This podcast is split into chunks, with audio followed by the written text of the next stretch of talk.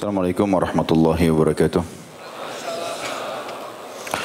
Alhamdulillah tidak pernah berhenti lisan kita memuji sang pencipta Allah atas segala nikmat yang dilimpahkan kepada kita.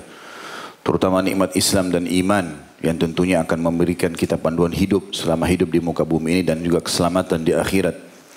Dan ini adalah nikmat sendiri yang perlu disyukuri dan kalimat Alhamdulillah adalah puncak kalimat syukur itu. Selanjutnya kita panjatkan salam hormat kita, salawat dan taslim kepada Nabi besar Muhammad sallallahu alaihi wasallam, sosok manusia yang telah dipilih oleh Sang Pencipta Allah untuk mengemban amanah wahyu, membawa kepada kita hukum halal haramnya Allah, perintah dan larangan Sang Pencipta Allah sehingga kita punya panduan hidup. Dan Allah telah menjadikan perintah khusus dalam Al-Quran untuk menjadikannya sebagai suri tauladan dan mengucapkan salam hormat juga kepadanya akan dijadikan ibadah.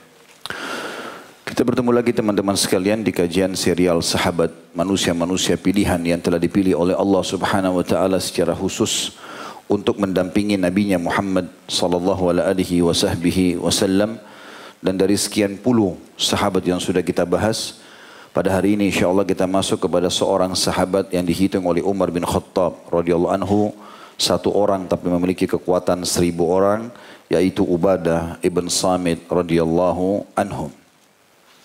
Sebelum kita mulai seperti biasa saya mengajak diri saya dan teman-teman sekalian mengikhlaskan niat karena Allah Subhanahu wa taala.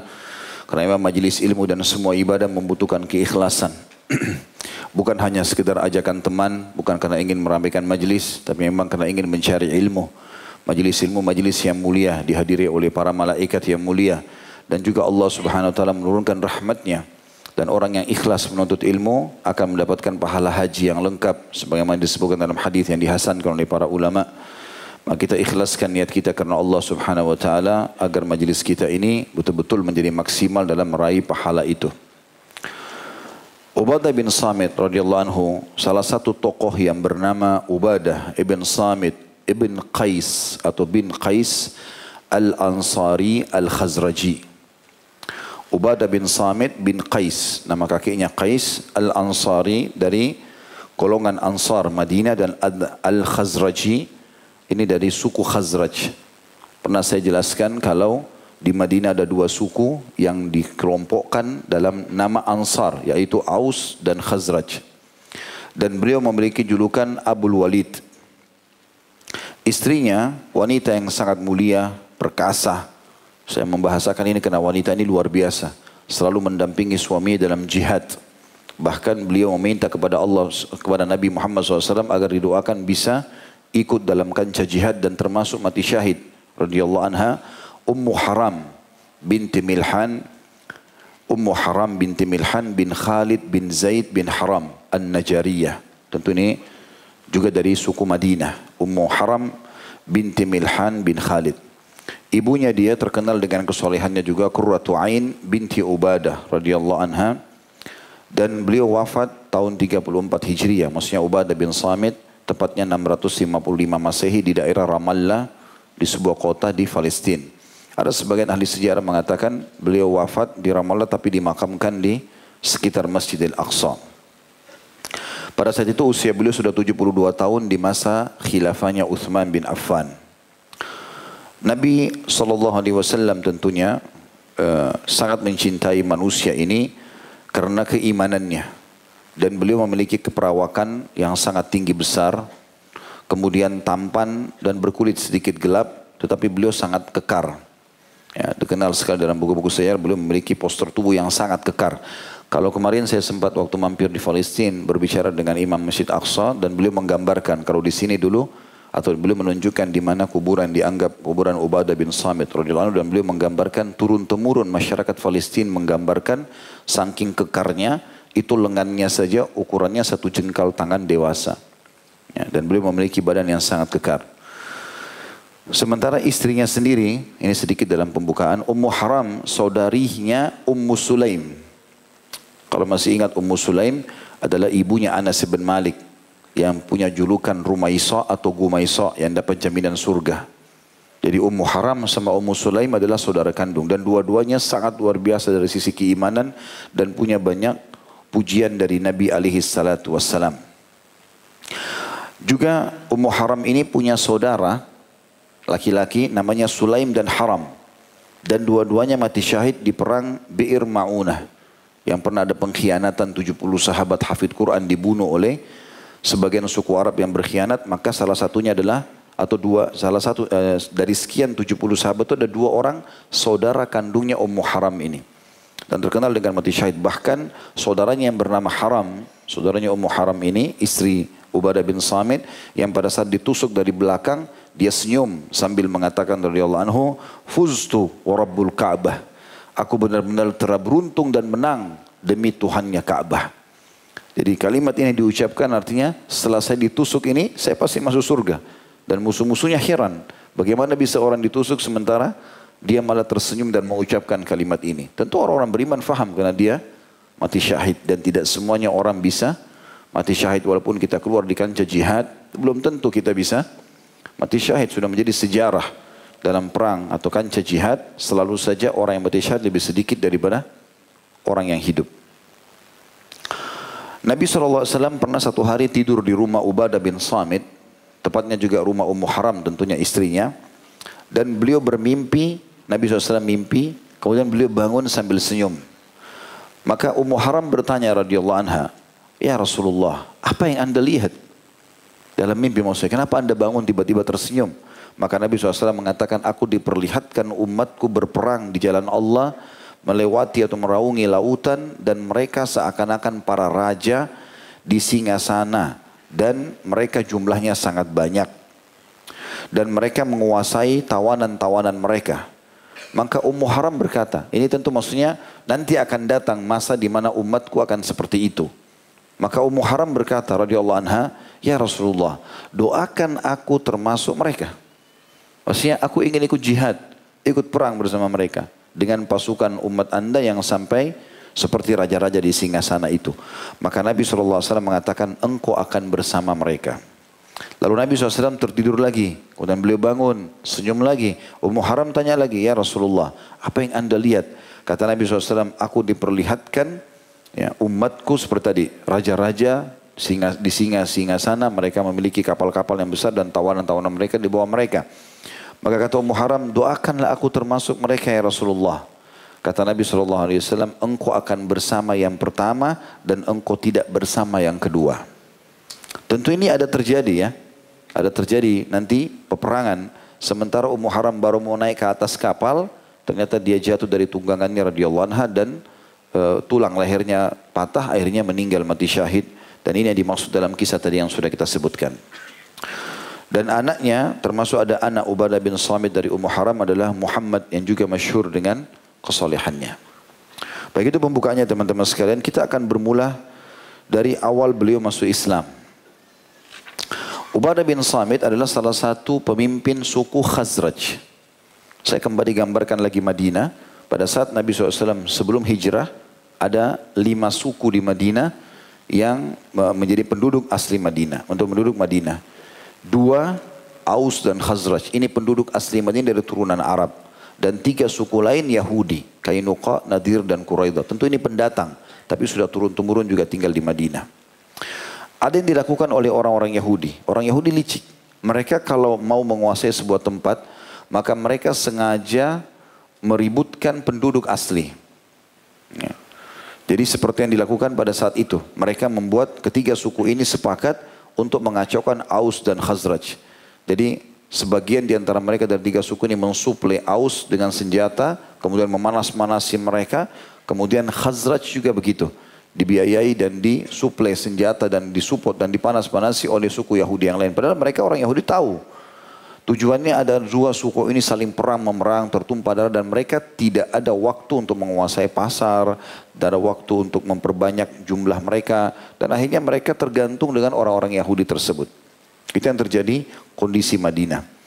Pada saat itu teman-teman sekalian, keadaan di Madinah sangat mencekam. Karena tidak ada Aus dan Khazraj ketemu di jalan kecuali saling bunuh-membunuh. Dan sangat sulit. Mati satu, yang satunya diserang lagi. Dan hampir setiap hari, sepanjang hari dari pagi sampai malam, kerja mereka perang saja. Sampai mereka hampir binasa. Gitu kan. Dan Allah subhanahu wa ta'ala menggambarkan dalam Al-Quran itu. A'udhu billahi minasyaitan wa kuntum ala syafa hufrati minan nari fa'ankadakum minha. dan kalian hampir saja masuk di pinggir neraka. Lalu Allah menyelamatkan kalian dengan datangnya Nabi alaihi salatu wassalam ke Madinah. Pada saat itu seluruh masyarakat Madinah berusaha untuk mencari solusi. Tapi mereka tidak temukan dari orang-orang Yahudi karena Yahudi dasarnya ingin ya, selalu saja mereka bertempur, berperang. Gitu kan. Tapi hal ini belum difahami oleh orang-orang Ansar umumnya. Maka mereka berharap ada solusi. Solusi apa kira-kira yang bisa membuat mereka tidak bertempar lagi. Jadi walaupun mereka itu dua suku ini adalah dari sumber yang sama. Tapi akhirnya mereka saling pemerang memerang. Jadi ada sepupu sama sepupu saling bunuh membunuh. Ada paman sama ponakan dan seterusnya. Jadi sudah kacau balau. Maka sering kali mereka mendengarkan berita dari orang-orang Yahudi. Ya, sebagai pelengkap untuk menjatuhkan kejiwaan orang-orang Ansar ini, mereka bilang, kalian percuma tidak bisa mendapatkan solusi dari permasalahan kalian ini, padahal ini orang Yahudi penyebabnya. Dan nanti akan keluar nabi terakhir di sini, di kota ini, kami pada saat itu akan beriman kepadanya dan kami akan memerangi kalian. Kami akan memerangi kalian. Maka ini menambah ketakutan dalam jiwa orang-orang Ansar. Karena mereka penyembah berhala. Mereka nggak tahu nabi itu apa, ya. dari mana asalnya. Mereka nggak tahu. Mereka bukan agama profetis, bukan orang yang beriman kepada Allah. Mereka tahunya penyembah berhala. Yang tahu adalah orang-orang Yahudi. Dan mereka juga tahu orang-orang Yahudi punya pasukan yang kuat. Karena setiap suku ini punya di benteng mereka tidak kurang dari antara 6.000 sampai 10.000 pasukan. Jadi kalau tiga benteng Yahudi minimal punya 30 ribu pasukan atau punya 30 ribu pasukan itu pasukan yang sangat besar di waktu itu. Maka orang-orang Ansar ketakutan ini. Mereka belum Ansar waktu itu tentunya. Ansar setelah masuk Islam. Masih disilakan dengan Aus dan Khazraj. Mereka terus saja berusaha untuk mencari solusi. Siapa ini kira-kira yang bisa mencari tahu siapa Nabi itu. Apa yang diancamkan oleh Yahudi. Lalu siapa kira-kira jadi penengah di antara mereka gitu kan. Karena tiap hari ribut nih. Maka akhirnya ada dari sisi itu satu sisi di Madinah. Sisi yang lain di Mekah. Nabi SAW selama 10 tahun berdakwah sebelum kejadian Isra dan Mi'raj. Isra Mi'raj terjadi tahun 11 Hijri, 11 dari masa kenabian. 10 tahun semuanya penghinaan. Dan puncaknya pada saat meninggal dua orang yang membela dakwah Nabi SAW, Khadijah radhiyallahu anha istri Nabi SAW dan juga Abu Talib pamannya meninggal dalam keadaan kafir. Tapi dua-duanya meninggal di tahun yang sama. Maka bersedihlah Nabi SAW pada saat itu dikenal dengan Amul Huzun. Dakwah ditolak selama 10 tahun. Meninggal lagi dua orang yang mendukung beliau ini. Dan pada saat itu mulai tahu, masuk tahun 11 Hijriah uh, sering kali atau bukan sering kali memang sudah menjadi sebuah pola dulu 10 tahun pertama dakwah di Madinah atau di Mekah itu yang boleh menghina, boleh mencaci maki, boleh merampas harta muslimin adalah tokoh-tokoh Quraisy. Setelah meninggal dua tokoh ini Khadijah dan Abu Talib, maka semua orang punya hak untuk itu. Termasuk hamba sahaya, budak-budak, orang-orang yang miskin. Tidak ada kedudukannya sama sekali. Mereka juga menghina Nabi SAW. Maka Nabi mulai mencari mana nih lokasi dakwah baru. Mekah sudah nggak bisa nih. Mulailah beliau gencar menemui tokoh-tokoh suku Arab di musim haji. Pada musim haji mereka kumpul. Bertemulah Nabi SAW dengan suku ini, mereka nolak. Suku itu, mereka nolak. Banyak yang nolak. Termasuk ada suku yang sangat masyhur pada saat itu. Kalau saya tidak salah suku Sa'sa. Suku ini diajak oleh Nabi SAW masuk Islam. Dan mereka sudah mau. Tapi kepala sukunya kasih syarat Nabi SAW. Boleh. Tapi dengan syarat. Nanti hai Muhammad. Kalau kau meninggal aku jadi penggantimu. Nabi SAW tolak. Itu kuasa Allah Subhanahu Wa Taala. Bukan di tangan saya itu. Mau beriman silakan. Tidak mau beriman ya sudah. Gitu kan. Akhirnya mereka tidak jadi beriman. Hampir saja mereka menjadi istilah ansar kepada suku itu. Tapi mereka menolak subhanallah. Terus saja Nabi SAW ketemu sampai e, mencari sampai akhirnya di satu malam di Mina, tepatnya di tempat Aqabah. Aqabah itu seperti bukit ya, orang Arab mengatakan Aqabah. Di situ ada sunnah sunnah Nabi Ibrahim alaihissalam melontar jumrah bagi jemaah haji. Itu umumnya orang melontar banyak di malam hari, sore hari, ada juga di pagi hari, penuh selalu tempat itu. Maka beliau duduk sambil menyampaikan kepada orang kalian dari suku mana, kalian dari suku mana. Dengan hikmah Allah SWT Nabi SAW ketemu dengan enam orang dari Madinah. Tepatnya mereka dari suku Khazraj. Nabi SAW tanya, kalian dari mana? Dari Madinah. Nabi SAW tahu mereka. Lalu Nabi tanya, apakah kalian sekutu orang-orang Yahudi? Nah kebetulan suku Khazraj itu bersekutu, maksudnya yang suka membantu suplai mereka senjata segala macam, itu suku Kainuka namanya. Nanti kita akan sedikit saya akan singgung bagaimana Nabi SAW mengeluarkan mereka dari Madinah. Sudah pernah saya jelaskan di tablik abrik kita yang sebelumnya. Tapi jelas teman-teman sekalian pada saat itu Uh, Nabi SAW bertanya dan mereka mengatakan, iya kami benar dari suku Khazraj, sekutunya Bani Qainuqa. Maka mulailah Nabi SAW menjelaskan kepada mereka. Gitu. Ya. Dalam sebuah riwayat, kalau yang kita pegang bukunya ada di halaman 203 tentunya dijelaskan, tak kala mereka menemui ya, atau mereka ditemui oleh Nabi SAW, Nabi bertanya siapa kalian? Mereka berkata orang-orang dari Khazraj. Beliau berkata sekutu-sekutu Yahudi kah? Atau sekutu orang-orang Yahudi? Mereka menjawab iya. Beliau mengatakan tidakkah kalian duduk agar aku dapat berbicara dengan kalian? Mereka mengatakan tentu. Lalu mereka duduk bersama beliau kemudian Nabi SAW menjelaskan kepada mereka hakikat agama Islam dan dakwanya lalu mengajak mereka untuk memeluk agama Allah Ta'ala. Setelah itu beliau membacakan beberapa ayat Al-Quran yang mereka fahami karena dalam bahasa Arab. Apa makna-maknanya?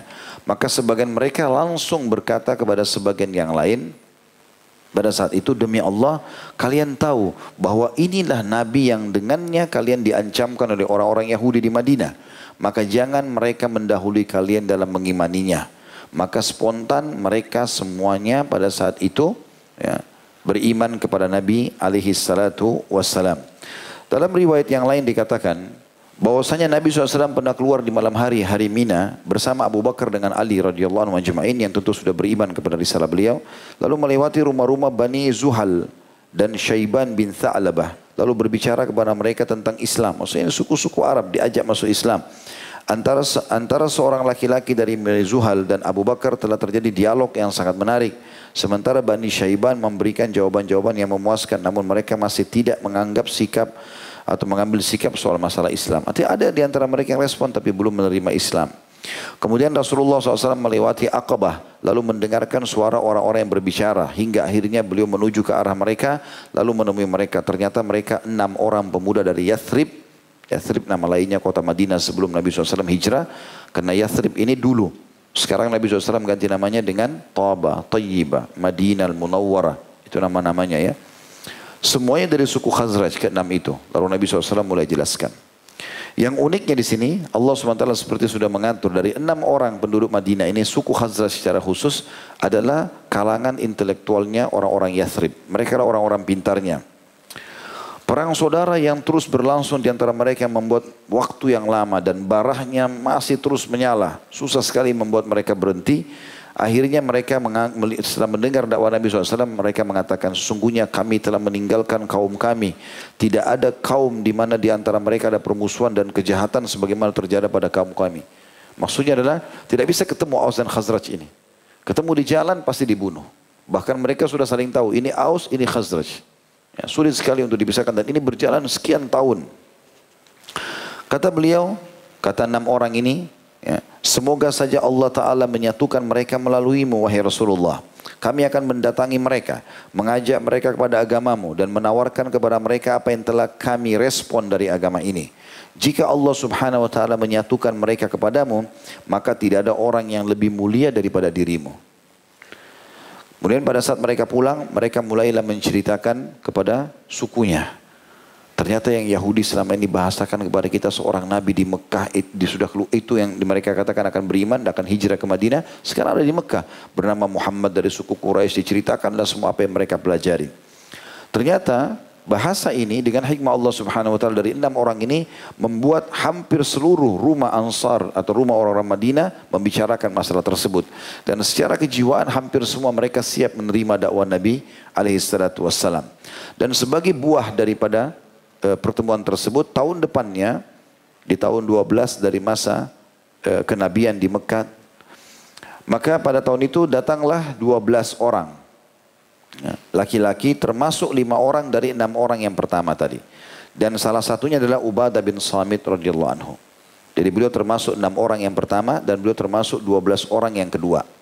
Dan orang-orang ini bertemulah dengan Nabi SAW kembali di tempat yang sama di Aqabah di Mina untuk berbaiat kepada beliau di dalam riwayat Bukhari disebutkan bahwasanya Ubadah bin Samit radhiyallahu anhu tokoh kita ini menceritakan. Beliau berkata, Rasulullah SAW bersabda, Ta'alu bayi'uni alla alla tushriku billahi syai'a.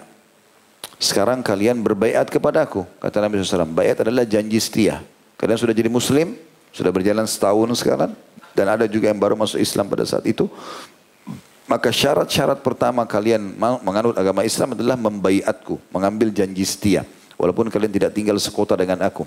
Kata Nabi SAW, ke sinilah, baiatlah aku agar kalian tidak berbuat syirik sedikit pun kepada Allah. Dan kita tahu ini adalah asas agama kita. Syirik lawan daripada tauhid dan Nabi SAW mendakwakan itu pada mereka. Tidak boleh ada syirik. Tidak boleh mempartnerkan Allah dengan makhluk. Karena mereka penduduk jazirah Arab, Mekah, Madinah juga termasuk adalah penyembah berhala. Dan umumnya ini di musim haji. Mereka datang ke Mekah, mereka tahu Mekah itu ada Ka'bah. Ka'bah rumahnya Allah. Dan mereka pergi haji. Hanya saja mereka syirik. Mereka berdoa sama Allah, mereka juga berdoa pada patung-patung yang ada di situ. Ya. Mereka menyembeli buat Allah, mereka menyembeli buat berhala mereka. Makanya mereka mempartnerkan Allah. Ini wasiat pertama Nabi. Jangan kalian syirik. Gak boleh lagi sembah-sembah berhala. Wala tasriku. Asas Islam yang kedua, tidak boleh mencuri. Apa pun alasannya. Bukan hak kalian, jangan disentuh. Dan ini adalah asas agama semua nabi-nabi tentunya. Wala taznu. Dan jangan kalian berzina. Wala taqtulu auladakum dan jangan kalian membunuh anak-anak kalian. Tentu masalah berzina adalah kalau kalian butuh biologis lampiaskan pada yang halal dan zina hukumnya haram. Dan jangan kalian bunuh anak-anak kalian karena tradisi Arab dulu kalau lahir anak perempuan dibunuh. Mekah, Madinah juga ikut-ikutan karena mereka berpatokan dengan Mekah. Kalau musim haji mereka kumpul semuanya di Mekah.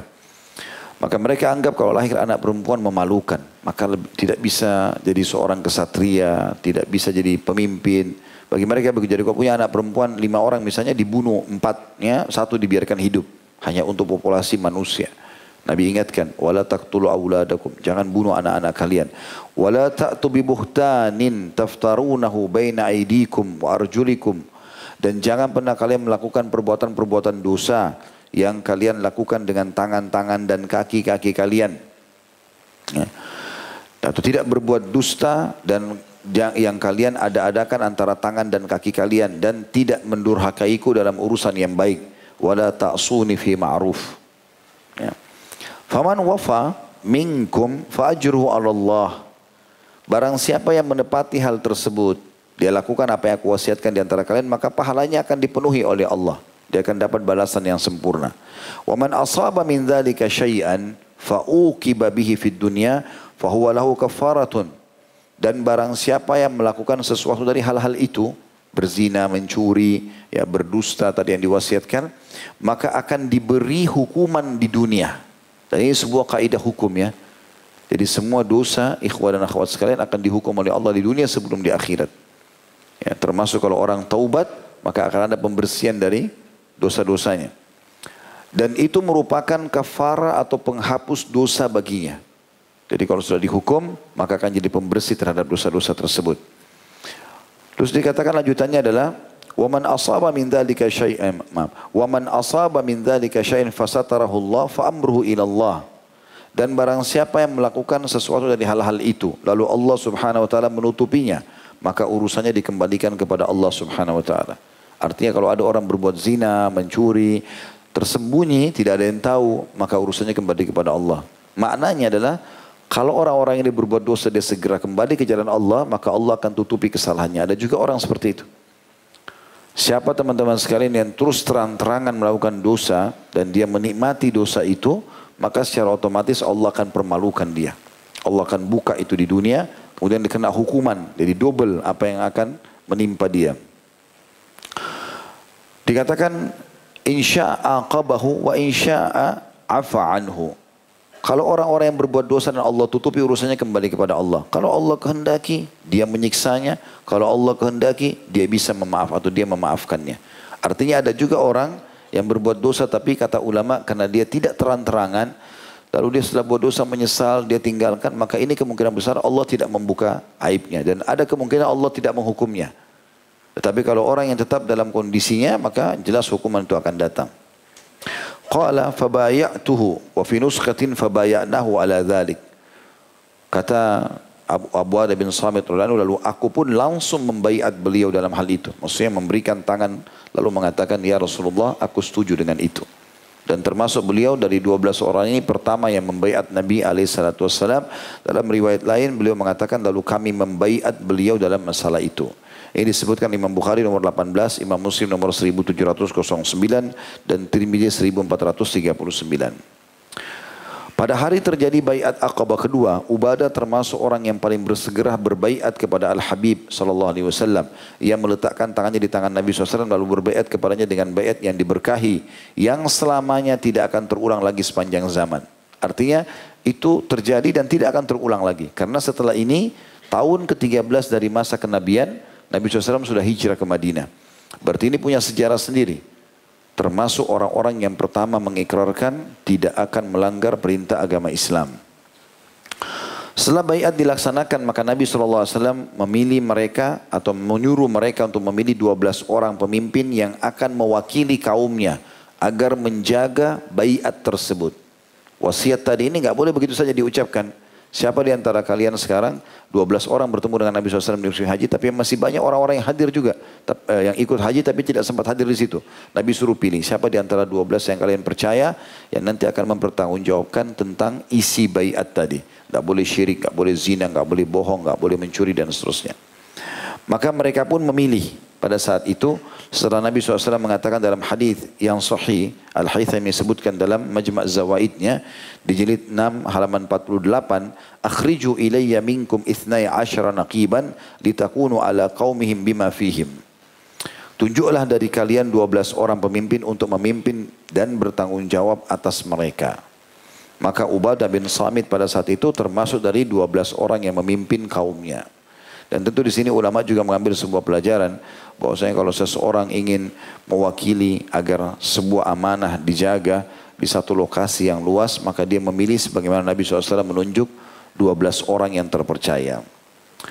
Setelah itu Ubadah bin Samit pulang ke Madinah sementara hatinya sangat bahagia dengan Islam ini. Dia merasa dan sangat yakin inilah yang akan menjadi penyebab berhentinya peperangan di antara mereka. Karena begitu disebarkan agama Islam di Madinah dan banyak orang yang masuk Islam, ternyata yang terjadi adalah mulai redam. Karena dalam salah satu konsep dalam Islam mereka tidak boleh saling bunuh membunuh. Kaum muslimin bersaudara itu. Maka yang terjadi Aus dan Khazraj mulai meredam, terutama yang sudah masuk Islam.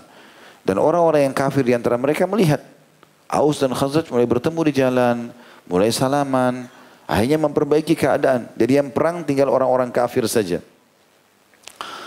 Maka Ubadah pun radhiyallahu anhu gembira dengan itu dan beliau bersama dengan kaumnya meminta agar ada dai yang dikirim ke Madinah. Maka Nabi SAW mengirim pada saat itu bersama mereka seorang yang masyhur eh, Mus'ab bin Umair radhiyallahu anhu. Dan nanti mati syahid di perang Uhud tentunya. Selanjutnya teman-teman sekalian, Ubadah pada saat itu sampai ke Madinah dan terjadilah sesuatu. Ternyata tadi saya bilang sukunya dia Khazraj bersekutu dengan suku Kainuqa orang Yahudi.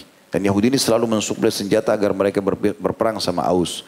Tapi setelah Nabi SAW hijrah ke Madinah, Nabi mulai tahu semua keadaan lebih jauh di lapangan. Nabi SAW melihat dan mendapatkan berita dari wahyu kalau Kainuqa ini berkhianat. Dan ternyata orang-orang Yahudi ini selalu membuat pertikaian di antara masyarakat Madinah. Maka Nabi SAW beberkan itu. Sebenarnya orang-orang Yahudi ini bukan sekutu kalian. Tapi ini adalah musuh-musuh kalian. Sebab ini loh wahyu menyampaikan seperti ini. Terbongkar pada saat itu suku Kainuqa.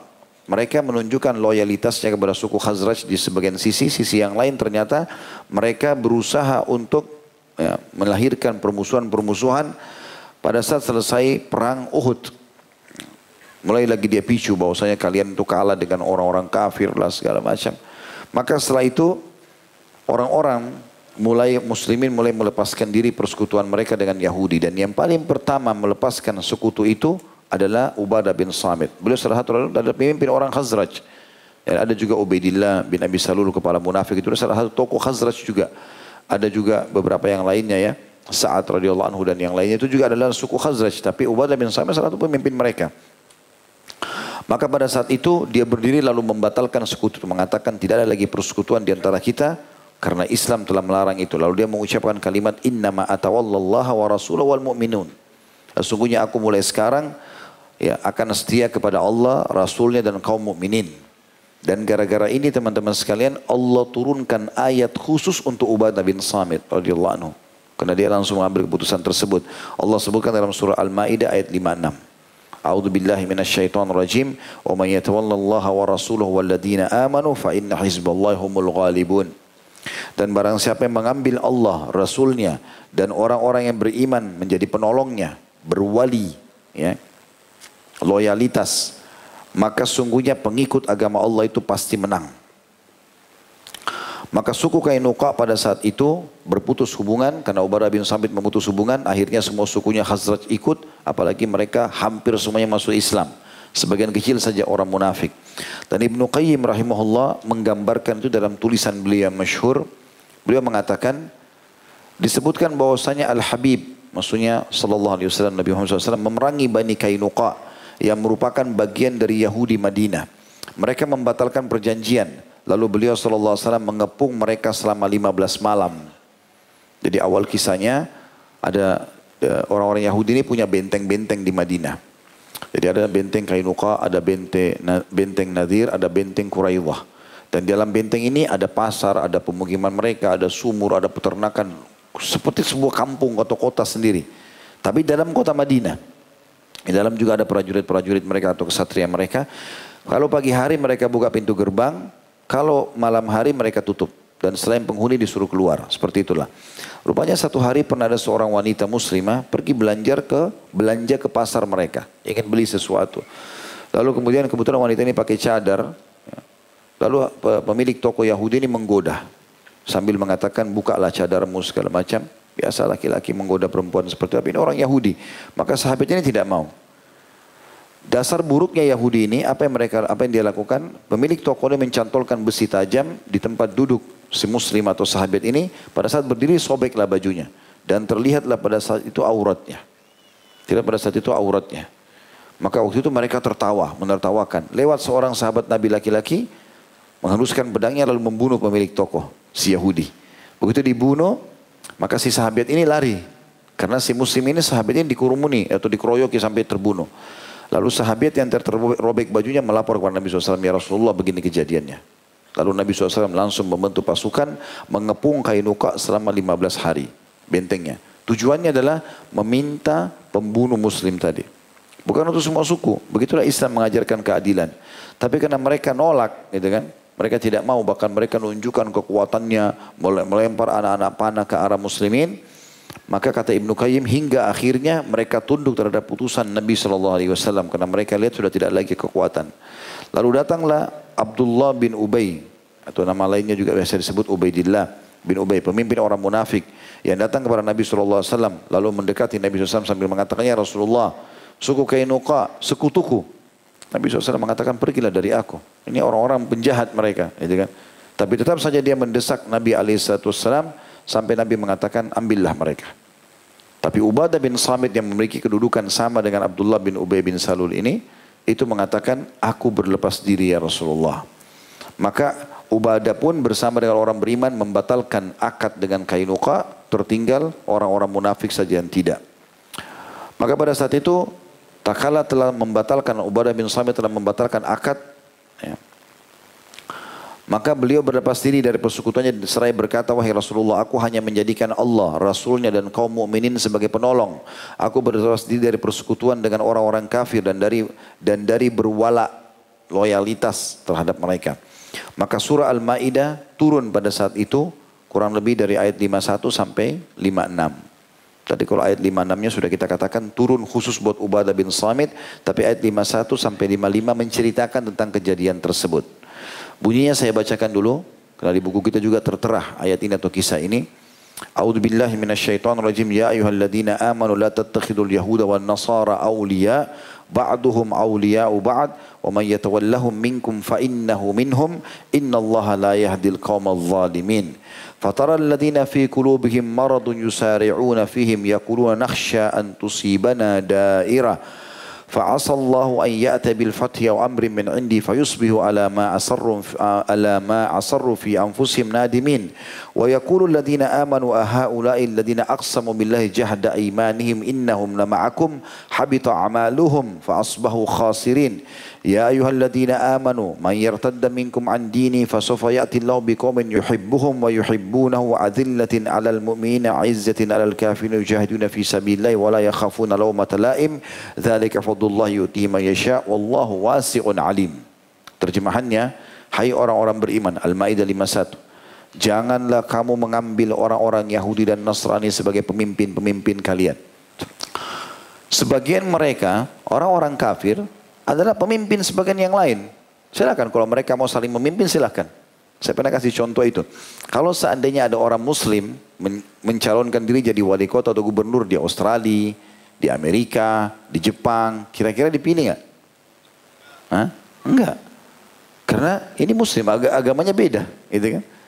Begitu juga di wilayah umat Islam, tidak mungkin ada orang non muslim memimpin. Maka nanti akan dia jahulkan agamanya, gitu gitu. Maka Allah melarang itu. Hai orang beriman, janganlah kalian mengambil orang-orang Yahudi dan Nasrani sebagai pemimpin kalian. Sebagian mereka adalah pemimpin bagi sebagian yang lain. Kecuali kalau kalian hidup di wilayah mereka lain. Orang hidup di Australia, hidup di Amerika. Apa boleh buat kita hidup di wilayah orang, kita minoritas. Tapi di wilayah kita tidak. Sebagaimana di wilayah mereka, mereka tidak mungkin pilih pemimpin muslim. Maka Allah mengatakan barang siapa di antara kamu mengambil mereka menjadi pemimpin. Maka sungguhnya orang itu termasuk golongan mereka. Nanti diancam sini bisa kufur. Gitu. Sesungguhnya Allah tidak memberi petunjuk kepada orang-orang yang zalim. Artinya menzalimi dirinya sendiri dengan menjadikan orang-orang kafir sebagai pemimpin mereka. Maka kamu akan melihat orang-orang yang ada penyakit dalam hatinya. Maksudnya orang munafik. Turun kepada Abdullah bin Ubay atau Ubaidillah bin Salul tadi. Bersegera mendekati mereka, Yahudi dan Nasrani. Seraya berkata, kami takut akan mendapat bencana. Kalau kita enggak minta tolong sama mereka nanti kita susah hidupnya, nanti susah ekonominya, nanti susah politiknya, seperti itulah. Ini Allah sudah turunkan 1400 tahun yang lalu. Tidak boleh kita berwala kepada mereka. Nanti akan kita jelaskan dalam durus wal ibar tentang kaidah penting dalam akidah muslim tentang hukum al-wala dan bara. Nanti saya jelaskan itu insya Allah. Dikatakan mereka berkata kami takut akan mendapatkan bencana. Maka Allah mengatakan mudah-mudahan Allah akan mendatangkan kemenangan kepada Rasulnya. Atau pasti Allah akan datang kemenangan kepada Rasulnya. Atau sesuatu keputusan dari sisinya. Maksudnya memenangkan peperangan. Maka karena itu mereka menjadi menyesal terhadap apa yang mereka rahasiakan dalam diri mereka. Maksudnya kaum munafikin. Dan orang-orang yang beriman mengatakan inilah orang-orang yang bersumpah sungguh dengan nama Allah bahwasanya mereka benar-benar berserta kamu rusak binasalah segala amal mereka. Maksudnya kepada orang-orang munafik. Mereka pura-pura ngaku muslim ngaku pengikut Nabi SAW tapi mereka menjadikan Yahudi sebagai tempat mereka bergantung. Lalu mereka menjadikan orang lalu mereka menjadi orang-orang yang rugi. Nanti Allah SWT akan rugikan mereka. Hai orang yang beriman barang siapa di antara kamu yang murtad dari agamanya. Di sini maknanya bisa relevansinya sama dengan ayat 51 sama 52 ini kan ayat 53 nya atau lima empatnya nih. Hai orang beriman, siapa pun antara kalian yang murtad dari agamanya, coba-coba pilih orang non muslim sebagai pemimpinnya atau dia keluar dari agamanya, maka kelak Allah akan mendatangkan satu kaum yang akan mencintai mereka, yang Allah mencintai mereka dan mereka mencintainya.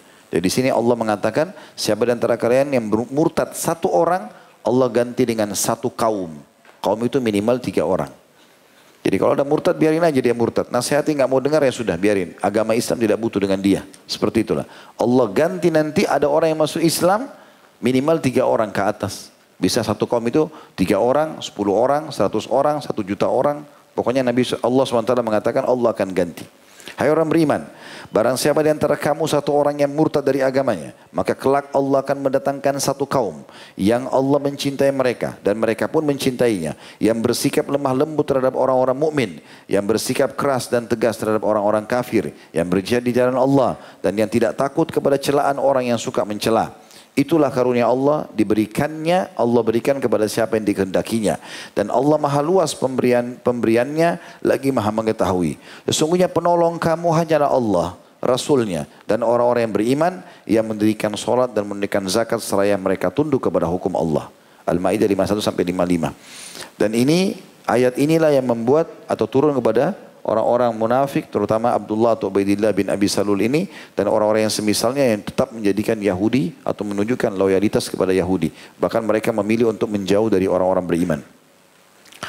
Lalu kemudian Allah menurunkan ayat 56 langsung setelah itu yang mendukung tentang keputusan Ubadah bin Samit radhiyallahu yang langsung beliau berdiri mengatakan ya Rasulullah aku mengajak sukuku Khazraj ya berpasti daripada orang-orang munafik ini dan pastinya kami hanya bertawalla atau berwali atau loyalitas kepada Allah Rasulnya dan juga orang-orang beriman. Maka Allah mengatakan, "Wa may yatawallallaha wa rasulahu walladzina amanu fa inna hizballahumul ghalibun."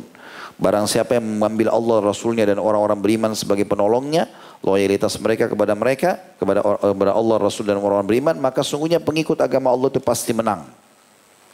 Oleh karena itu, Nabi alaihissalatu wassalam mendukung dan mensupport pendapat Ubadah bin Samit ini dan akhirnya membuat hampir seluruh suku Khazraj 90 sampai 95 persen semuanya berpasti dari suku Kainuka kecuali 5 persen atau kurang lebih 10 persen saya dari orang-orang munafik yang tetap loyal dengan mereka.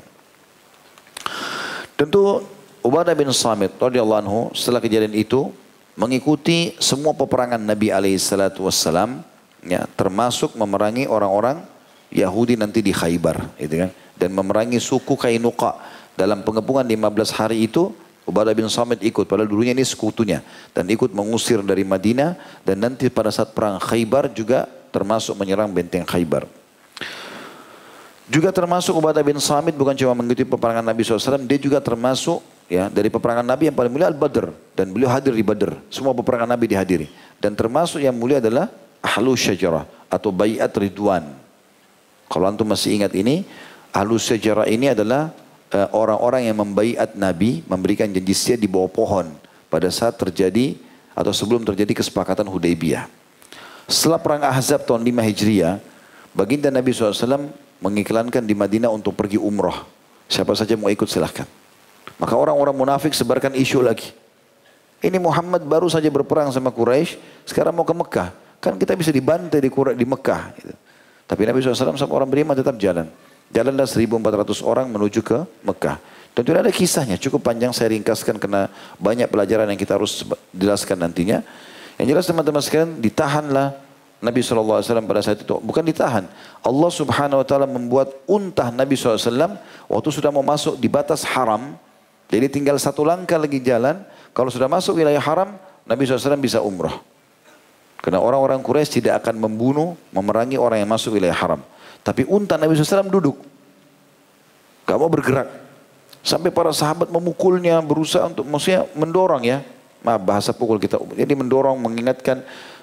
Unta Nabi SAW itu didirikan, tapi unta tidak mau. Lalu sempat ada sahabat mengatakan begini, ya Rasulullah, unta anda telah tertimpa keburukan. Maksudnya kok tidak mau masuk, tinggal satu langkah masuk wilayah haram. Dan kalau unta Nabi tidak masuk, nggak ada yang masukkan untanya. Semua nunggu di belakang. Maka Nabi SAW mengatakan tidak.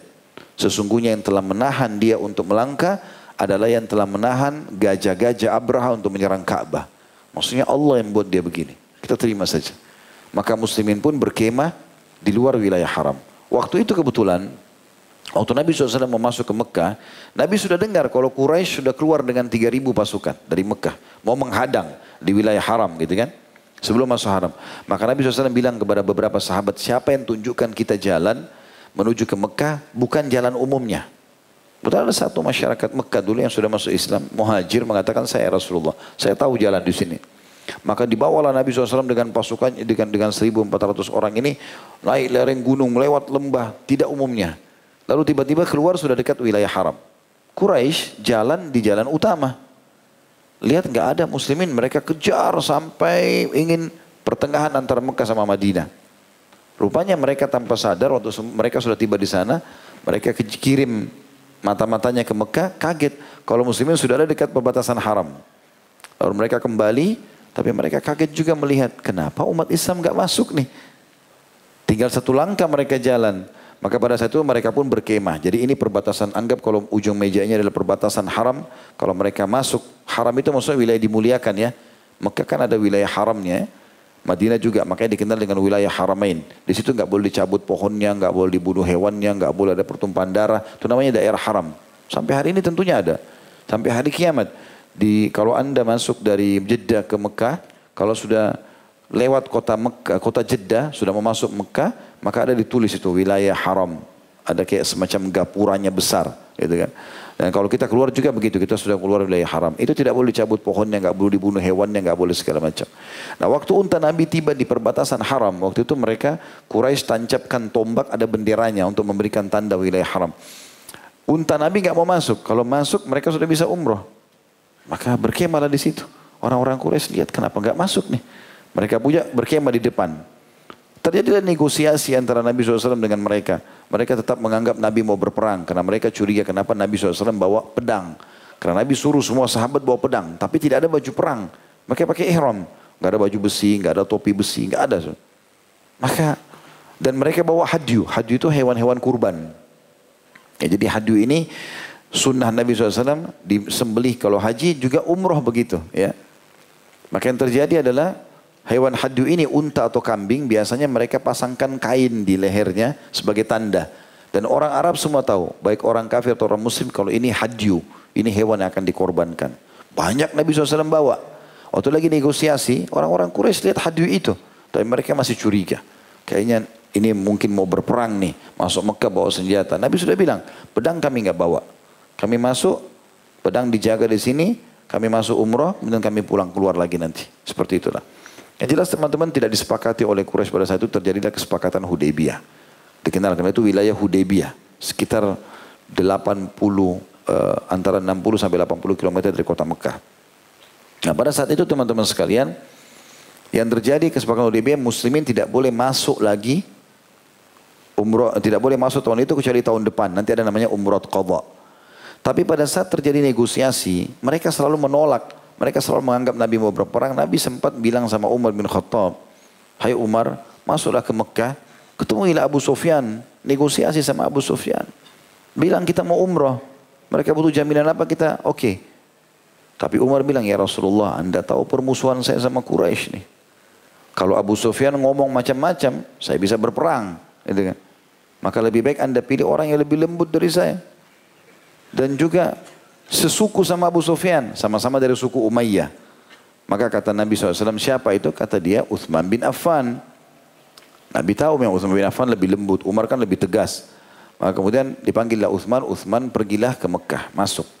Dan Uthman tokohnya orang Mekah, orang kaya dulu. Orang-orang Quraisy juga tidak berani tahan dia. Masuklah dia ketemu Abu Sufyan. Abu Sufyan ketemu sama dia, masih ada hubungan kekerabatan. Ngobrol lama nih. Waktu ngobrol lama, Nabi SAW kira Uthman dihukum kah, dibunuh kah, dipenjara kah. Gak tahu ini apa yang terjadi. Karena gak ada telepon zaman dulu, gak bisa komunikasi kan. Gitu. Akhirnya Nabi SAW ambil keputusan. Diambillah bayat baru. Perjanjian baru di sini. Janji setia baru. Nabi SAW berdiri di bawah sebuah pohon. Kemudian beliau mengatakan, bayatlah aku. Ambil janji setia. Semuanya harus salaman. Iya ya Rasulullah. Hidup mati saya untuk Allah dan Rasulnya. Gitu, salaman semua satu-satu. Gitu kan. Maka pada saat itu jumlah muslimin sama Nabi SAW 1400 orang. Satu orang Uthman bin Affan lagi di Mekah bersisa 1399. Ada satu orang namanya Ja'ad bin Qais. Ini seorang munafik. Ikut di situ hanya untuk mata-matai umat Islam. Jadi ini keluar. Berarti 1398 orang gitu kan. Berbayatlah semuanya, salaman. Ya, Rasulullah, saya begini. Ya, Rasulullah, saya begini. Ya, saya setia, semuanya setia. Dan yang paling pertama bersalaman dengan Nabi termasuk adalah Ubadah bin Samit radhiyallahu anhu. Beliau lalu membayat Nabi SAW, janji setia. Dan setelah Nabi SAW mengambil janji setia, mereka hidup mati. Kalau Nabi bilang perang, perang. Nabi bilang pulang, pulang. Setuju nggak? Setuju. Kalau Nabi SAW memegang uh, tangan uh, kiri beliau dengan tangan kanan beliau, lalu beliau mengatakan ini adalah tangannya Uthman bin Affan. Karena Uthman ada di dalam. Maka para sahabat mengatakan tentu tangan Nabi SAW lebih kami cintai daripada tangan kami sendiri. Tapi di sini teman-teman yang perlu kita garis bawahi, ada sebuah hadis Nabi yang mulia. Setelah bayat itu terjadi, ini yang jadi saksi bahasan kita dan ini termasuk keutamaan Ubadah bin Samit Beliau mengatakan tidak ada seorang pun di antara kalian yang hadir di sini sekarang di bayat Aqabah ini dikenal dengan ahlu syajarah. Ahlu artinya orang-orang yang hadir, syajarah pohon itu. Ya. Tidak ada orang pun yang hadir di sini dari ahli syajarah ini yang membayat Nabi di bawah pohon kecuali pasti masuk surga. Dijamin surga. Kecuali satu orang yang sembunyi di belakang unta merah itu. Jadi itu Ja'ad ibn Qais, si munafik tadi. Jadi waktu sahabat lagi salaman sama Nabi, dia sengaja sembunyi-sembunyi di belakang unta. Dia pikir Nabi nggak lihat. Maka Nabi SAW mengatakan, kalian semua masuk surga kecuali satu orang itu. Ya, yang sembunyi-sembunyi di belakang unta. Ya. Jadi kalau orang lagi berbuat baik, ada yang sembunyi-sembunyi tanda-tanda munafik. Gitu. Ya. Yang jelas teman-teman sekalian, pada saat itu terjadilah bayat Ridwan. Dan ini disebutkan oleh Allah subhanahu wa ta'ala. Allah menurunkan Al-Quran, ayat Al-Quran khusus memuji tentang bayat itu, proses ya, apa namanya janji setia di bawah pohon tadi. Allah sebutkan dalam surah Al-Fatih ayat 18 sampai 19. A'udzu billahi minasyaitonir rajim. Tolong dibuka kalau ada yang punya aplikasi Al-Quran kita tadabbur ayatnya, dua ayat ini. لقد radiyallahu 'anil mu'minina idh yubayyi'unaka tahta asy-syajarati fa'alima ma fi qulubihim fa'anzala as-sakinata 'alaihim fa'anzala as-sakinata 'alaihim wa athabahum fathan qariba wa maghanima katsiratan ya'khudunaha wa kana Allahu 'azizan hakima. Artinya sesungguhnya Allah telah ridho dan ini karunia luar biasa.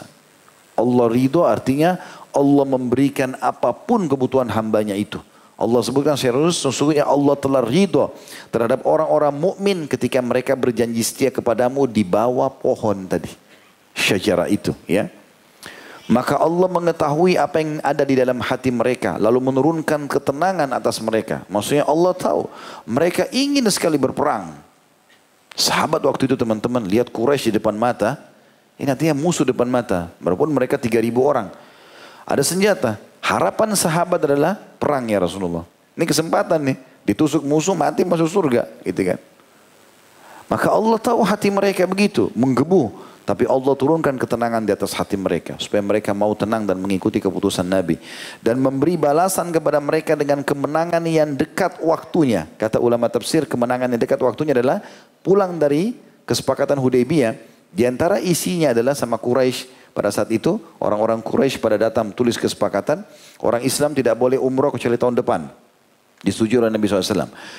Uh, tidak boleh terjadi peperangan 10 tahun antara muslim sama orang-orang Quraisy. Maka ini sebab utama kemenangan umat Islam. Secara zahir Umar bin Khattab sempat mengatakan ya Rasulullah, kenapa harus kita hinakan agama kita? Perang saja. Gitu kan?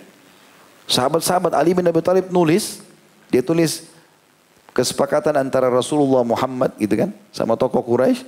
Lalu orang itu mengatakan apa? Tidak, saya tidak pernah akui kau sebagai Rasulullah.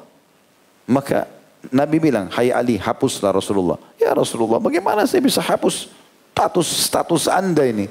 Nabi angkat lengan bajunya SAW lalu beliau hapus sendiri. Itu kan. Hapus. Ini kesepakatan dari Muhammad dengan Suhail bin Amr, salah satu tokoh Quraisy yang menulis pada saat itu. Kemudian tertulislah di situ kesepakatan-kesepakatan gitu kan. Di antaranya adalah mereka eh, siapa pun yang beriman dari orang Mekah ke, ke Madinah harus dipulangkan ke Mekah. Dan siapa pun yang kafir meninggalkan Islam dari Madinah ke Mekah nggak boleh dipulangkan ke Madinah. Ini menjengkelkan bagi kaum muslimin gitu kan. Umar bin Khattab sempat marah ya Rasulullah gimana nih gitu.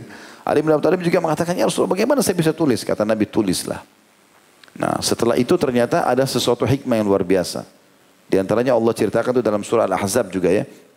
Bahwasanya Sebabnya kenapa Allah tidak izinkan muslimin perang pada saat itu walaupun mereka menggebu-gebu karena di dalam Mekah ternyata banyak masyarakat Mekah yang sudah masuk Islam diam-diam. Dan itu tidak ketahuan. Kata Allah SWT kalau kalian masuk menyerang kalian akan membunuh mereka. Bisa saja bunuh saudara muslim dan itu akan menyesal. Dan ternyata Allah menjanjikan kemenangan yang dekat. Jadi setelah ada kesepakatan 10 tahun damai dengan Quraisy, berarti Quraisy tidak akan ganggu umat Islam. Pulang ke Madinah, langsung Nabi iklankan serang Khaybar. Orang-orang Yahudi duluan yang diserang, itu kan? Dan Quraisy tidak bisa ikut campur di sini. Karena sudah ada kesepakatan damai. Maka diseranglah Khaybar, takluk Khaybar. Dan banyak wilayah-wilayah pada saat itu. Jedah waktu dari kesepakatan Hudaybiyah, tahun kurang lebih eh, 6 Hijriah, maksud tahun 5 atau 6 Hijriah ini, tahun 6 Hijriah ini, itu sampai pembebasan kota Mekah di tahun 8 Hijriah, itu teman-teman sekalian tiga tahun ini hampir seluruh suku Arab yang bergabung untuk menyerang Madinah di perang Khandak, perang Ahzab di tahun 5 Hijriah itu, itu semuanya ditaklukkan oleh Nabi SAW. Tinggal yang belum Mekah sama Hawazim. Dan pada saat itu betul-betul Allah berikan kemenangan dan banyak sekali kata Allah serta harta rampasan perang yang banyak yang kalian dapatkan untuk mereka bisa ambil. Karena seluruh Khaybar dari wilayah kekuasaan muslimin. Seluruh orang-orang yang kalah diambil ghanimah dari mereka. Dan Allah akan Allah Maha Perkasa lagi Maha Bijaksana. Setelah itu baru Allah izinkan pembebasan kota Mekah tanpa perlawanan dengan 10 ribu, 12 ribu orang pasukan atau 10 ribu pasukan. Kemudian juga Hawazim kalah pada saat itu dan akhirnya takluklah seluruh jazirah Arab dengan hikmah Allah Subhanahu wa taala. Di sini dikatakan dalam ayat ini Allah SWT bersaksi atas keimanan mereka dan mengaruniahi nikmat keridhaan kepada mereka. Apalagi ada hadis yang menjamin surga bagi mereka. Dan Ubadah radhiyallahu masih terus mendampingi Nabi SAW melaksana sepanjang mata. Ya. Kata para ulama yang saling mendampingi. Ia mengambil petunjuk dan ilmu dari beliau juga akhlak yang mulia.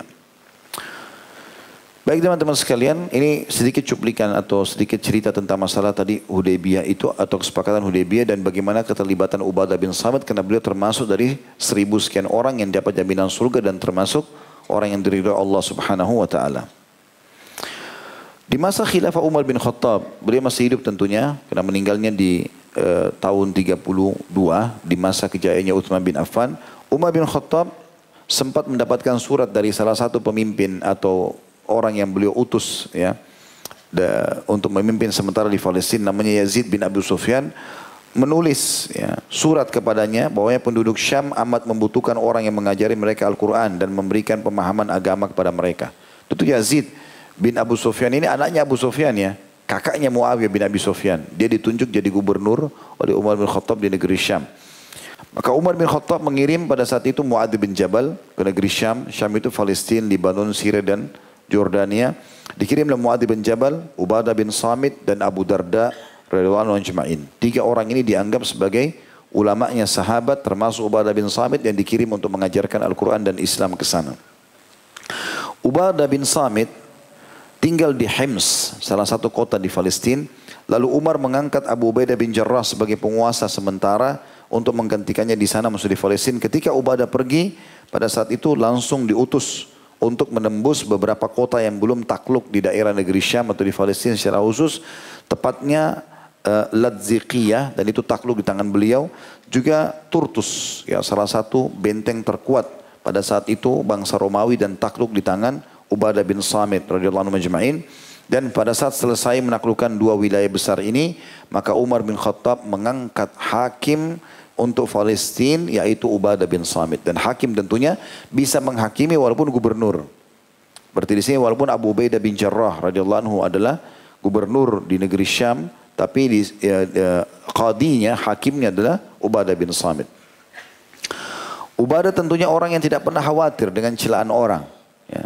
Di antaranya pada saat itu meninggallah Yazid bin Abu Sufyan, gubernur yang ada uh, di wilayah negeri Syam dan tadi saya bilang Abu Ubaidah, Abu Ubaidah itu adalah gubernur. Di sini Abu, Abu, Abu Ubaidah pemimpin perang, bukan gubernur. Gubernurnya adalah Yazid bin Abu Sufyan. Pada saat meninggal diganti oleh adiknya Muawiyah bin Abi Sufyan. Dan pernah kita bahas itu ya, uh, riwayat beliau Muawiyah bin Abi Sufyan yang 20 tahun jadi gubernur negeri Syam, 20 tahun jadi khalifah, gitu kan. Yang jelas pada saat itu Ubadah bin Samit ini sangat berbekas dalam jiwanya tentang kezuhudan, bagaimana kehidupan bersama Nabi SAW dan juga kepemimpinan Umar dan Abu Bakar jadi tolak ukur bagi dia. Umar sama Abu Bakar orang yang sangat tawadu, orang yang sangat sederhana gitu ya. Muawiyah bin Sufyan berbeda. Beliau menikmati itu, punya istana yang besar, punya singgasana, punya segala macam. Padahal gubernur di negeri Syam. Maka Ubadah bin Samit nasihati Muawiyah. Jangan berlebihan seperti ini. Zuhudlah, apalah. Muawiyah nggak mau dengar. Muawiyah juga penulis wahyu. Pikir itu ada dalilnya masing-masing. Maka Abu Ubaid, maka Ubadah bin Samit mengambil kesimpulan. Sambil beliau mengatakan, aku tidak akan tinggal di bumi mana pun bersama Muhammad Muawiyah. Lalu ia pulang ke Madinah. Lalu kemudian Umar bin Khattab lihat dia ada di Madinah sholat berjamaah di masjid. Ditanya oleh Umar, kenapa kau pulang ke sini? Bukankah kau sudah aku akan menjadi hakim di negeri Syam? Dia mengatakan telah terjadi perselisihan antara aku dengan Muawiyah. Muawiyah hidupnya tidak seperti anda. Gak ada zuhudnya pakaiannya mewah, segala macam mewah, berlebihan. Dan saya tidak bisa terima itu. Maka Umar bin Khattab menyuruhnya kembali sambil mengatakan pergilah ke tempatmu semula. Semoga Allah membuat buruk satu tempat di mana engkau atau orang-orang sepertimu tidak ada di sana. Lalu ditulislah surat juga oleh Dan dikatakan oleh Umar bin Khattab dan Muawiyah tidak ada kuasa terhadapmu. Kau lebih tinggi dari Muawiyah di sini. Karena kau hakim, kau bisa menghakimi Muawiyah. Gitu ya. Lalu suratlah surat, pada saat itu suratnya isinya adalah, Hai Muawiyah, aku telah mengembalikan ya, Ubadah bin Samit sebagai hakim di negeri Syam dan kau tidak ada kuasa terhadapnya. Artinya tidak bisa kau buat apa-apa sama dia. Keputusan apa pun kau harus ikuti. Gitu. Kemudian juga dinukil, ya, tentu itu setelah Palestina jadi qadi, terus setelah dia berkuasa di situ, memimpin sampai meninggal radhiyallahu anhu ya. Kemudian juga ada kisah yang berhubungan dengan beliau tentang penaklukan Mesir dan tepatnya kota Iskandaria. Ini termasuk sisa-sisa kekuatan eh, orang-orang Romawi. Jadi setelah negeri Syam, utara Jazirah Arab takluk, maka berpikirlah muslimin untuk menembus wilayah uh, baratnya Jazirah Arab, tepatnya Afrika. Dan waktu itu Mesirlah pintunya. Kalau Mesir takluk, maka takluklah seluruh Afrika. Maka pada saat itu Amr bin As radhiyallahu menulis atau berbicara langsung dengan Umar bin Khattab mengatakannya, "Ya Amir Mu'minin, Mesir jangan dilewatkan. Negeri Syam sudah takluk tahun 15 Hijriah sampai kurang lebih tahun 18 19 Hijriah takluklah negeri Syam. Juga Persia tahun 16 sampai kurang lebih tahun 18 19 takluk semua sampai Madain Saleh ibu kota eh, sampai eh, Madain ibu kotanya takluk semuanya. Maka Amr bin As mengatakan tinggal utara sudah kan dikuasai Jazirah Arab sudah, timurnya Rusia, Irak, Iran, ya eh, itu semua sudah dikuasai. Persia takluk, sekarang tinggal di barat Jazirah Arab, Afrika. Kita harus taklukkan. Maka terus saja Amr bin As memotivasi Umar untuk mengirim ke sana pasukan sampai beliau diutus dengan 8 ribu orang pada saat itu. Ya. Ada riwayat mengatakan 4 ribu orang saja. Ya, Nabi Umar bin Khattab mengutus Amr bin As dengan 4000 orang. Pergilah dia ke sana. Waktu tiba di Mesir, Amr bin As karena semangat sekali radhiyallahu anhu ingin menembus sana, tiba di sana dia lihat Mesir besar sekali. Wilayah yang sangat luas, kekuatan pasukan Romawi sangat besar. Mereka punya benteng-benteng dan sampai hari ini masih banyak peninggalan-peninggalan Romawi di sana besar sekali mereka punya kekuatan. Maka dia kirim surat lagi. Dia mengatakan ya Amir Mu'minin 4000 orang nggak cukup nih. Gitu. Maka dia ingin menjalankan sunnah Nabi Sallallahu Alaihi Wasallam. Ada hadis Nabi yang berbunyi, tidak akan dikalahkan umatku yang berjumlah 12 ribu orang. Kalau ada 12 ribu orang pasukan, personil, semuanya beriman kepada Allah ini, maka tidak akan pernah kalah pasukan itu. Dia minta 12 ribu. Maka Umar bin Khattab mengirim kepada Amr 4 ribu orang tambahan, ditambah 4 orang. Lalu begini suratnya Umar. Umar mengatakan, wahai O Amr, ya, aku telah mengirim kepadamu empat ribu pasukan.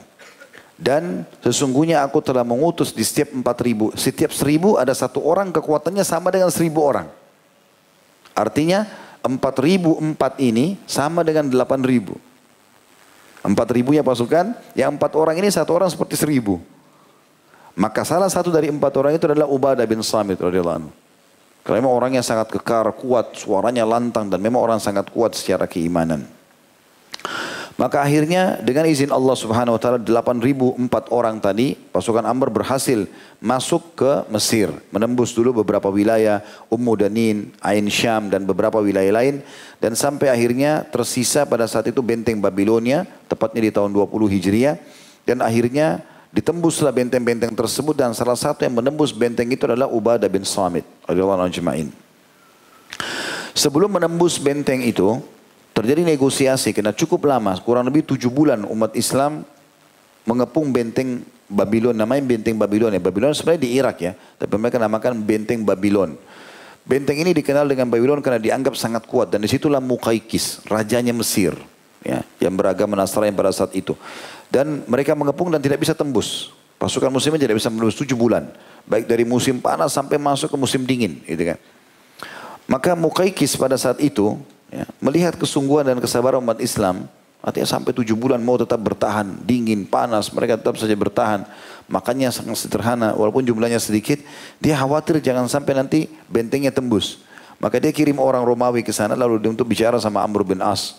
Dan pada saat berbicara dengan Amr bin As mengatakan, sesungguhnya jumlah kalian sangat sedikit. Kalian datang ke wilayah kami ingin menguasai. Dan kalian juga sudah tujuh bulan. Sudah banyak bekal makanan yang habis, kalian banyak yang sakit. Mereka mau jatuhkan semangatnya umat Islam. Oleh karena itu tidak lama lagi pasukan Romawi akan datang membantu kami. Dan pasti kalian akan dikalahkan Oleh karena itu, saya sarankan sebelum mereka datang membantu kami, kalian harus lebih baik pulang saja. Maka tak kala tiba surat itu, Amr bin As tersenyum. Ya. Nah, mereka seakan-akan tidak faham kalau kita ini keluar untuk jihad. Ini kan agama Allah. Memang ini semua keluar walaupun 8 ribu orang siap untuk mati semuanya. Maka pada saat Amr bin As menahan utusannya Mukaikis sengaja, nggak disuruh pulang. Dua hari, nggak ada berita. Mukaikis sempat gelisah. Dikira utusannya sudah mati, dibunuh oleh muslimin. Setelah dua hari baru diizinkan pulang. Sebelum pulang Amr bin As mengatakan, sementara mereka di benteng di di, di kemah muslimin mereka dikasih makan, diperdengarkan ayat Al-Qur'an, diperlihatkan akhlak muslimin. Lalu setelah pada saat pulang Amr bin As mengatakan, sampaikan kepada raja kalian, pilihan kalian cuma salah satu dari tiga. Salah satu dari tiga. Yang pertama, kalian masuk Islam dan tetap kerajaan kalian. Kami nggak ganggu. Masuk Islam, terapkan hukum Islam, mukanya tetap raja, kalian tetap menurut kami tidak akan masuk apa-apa.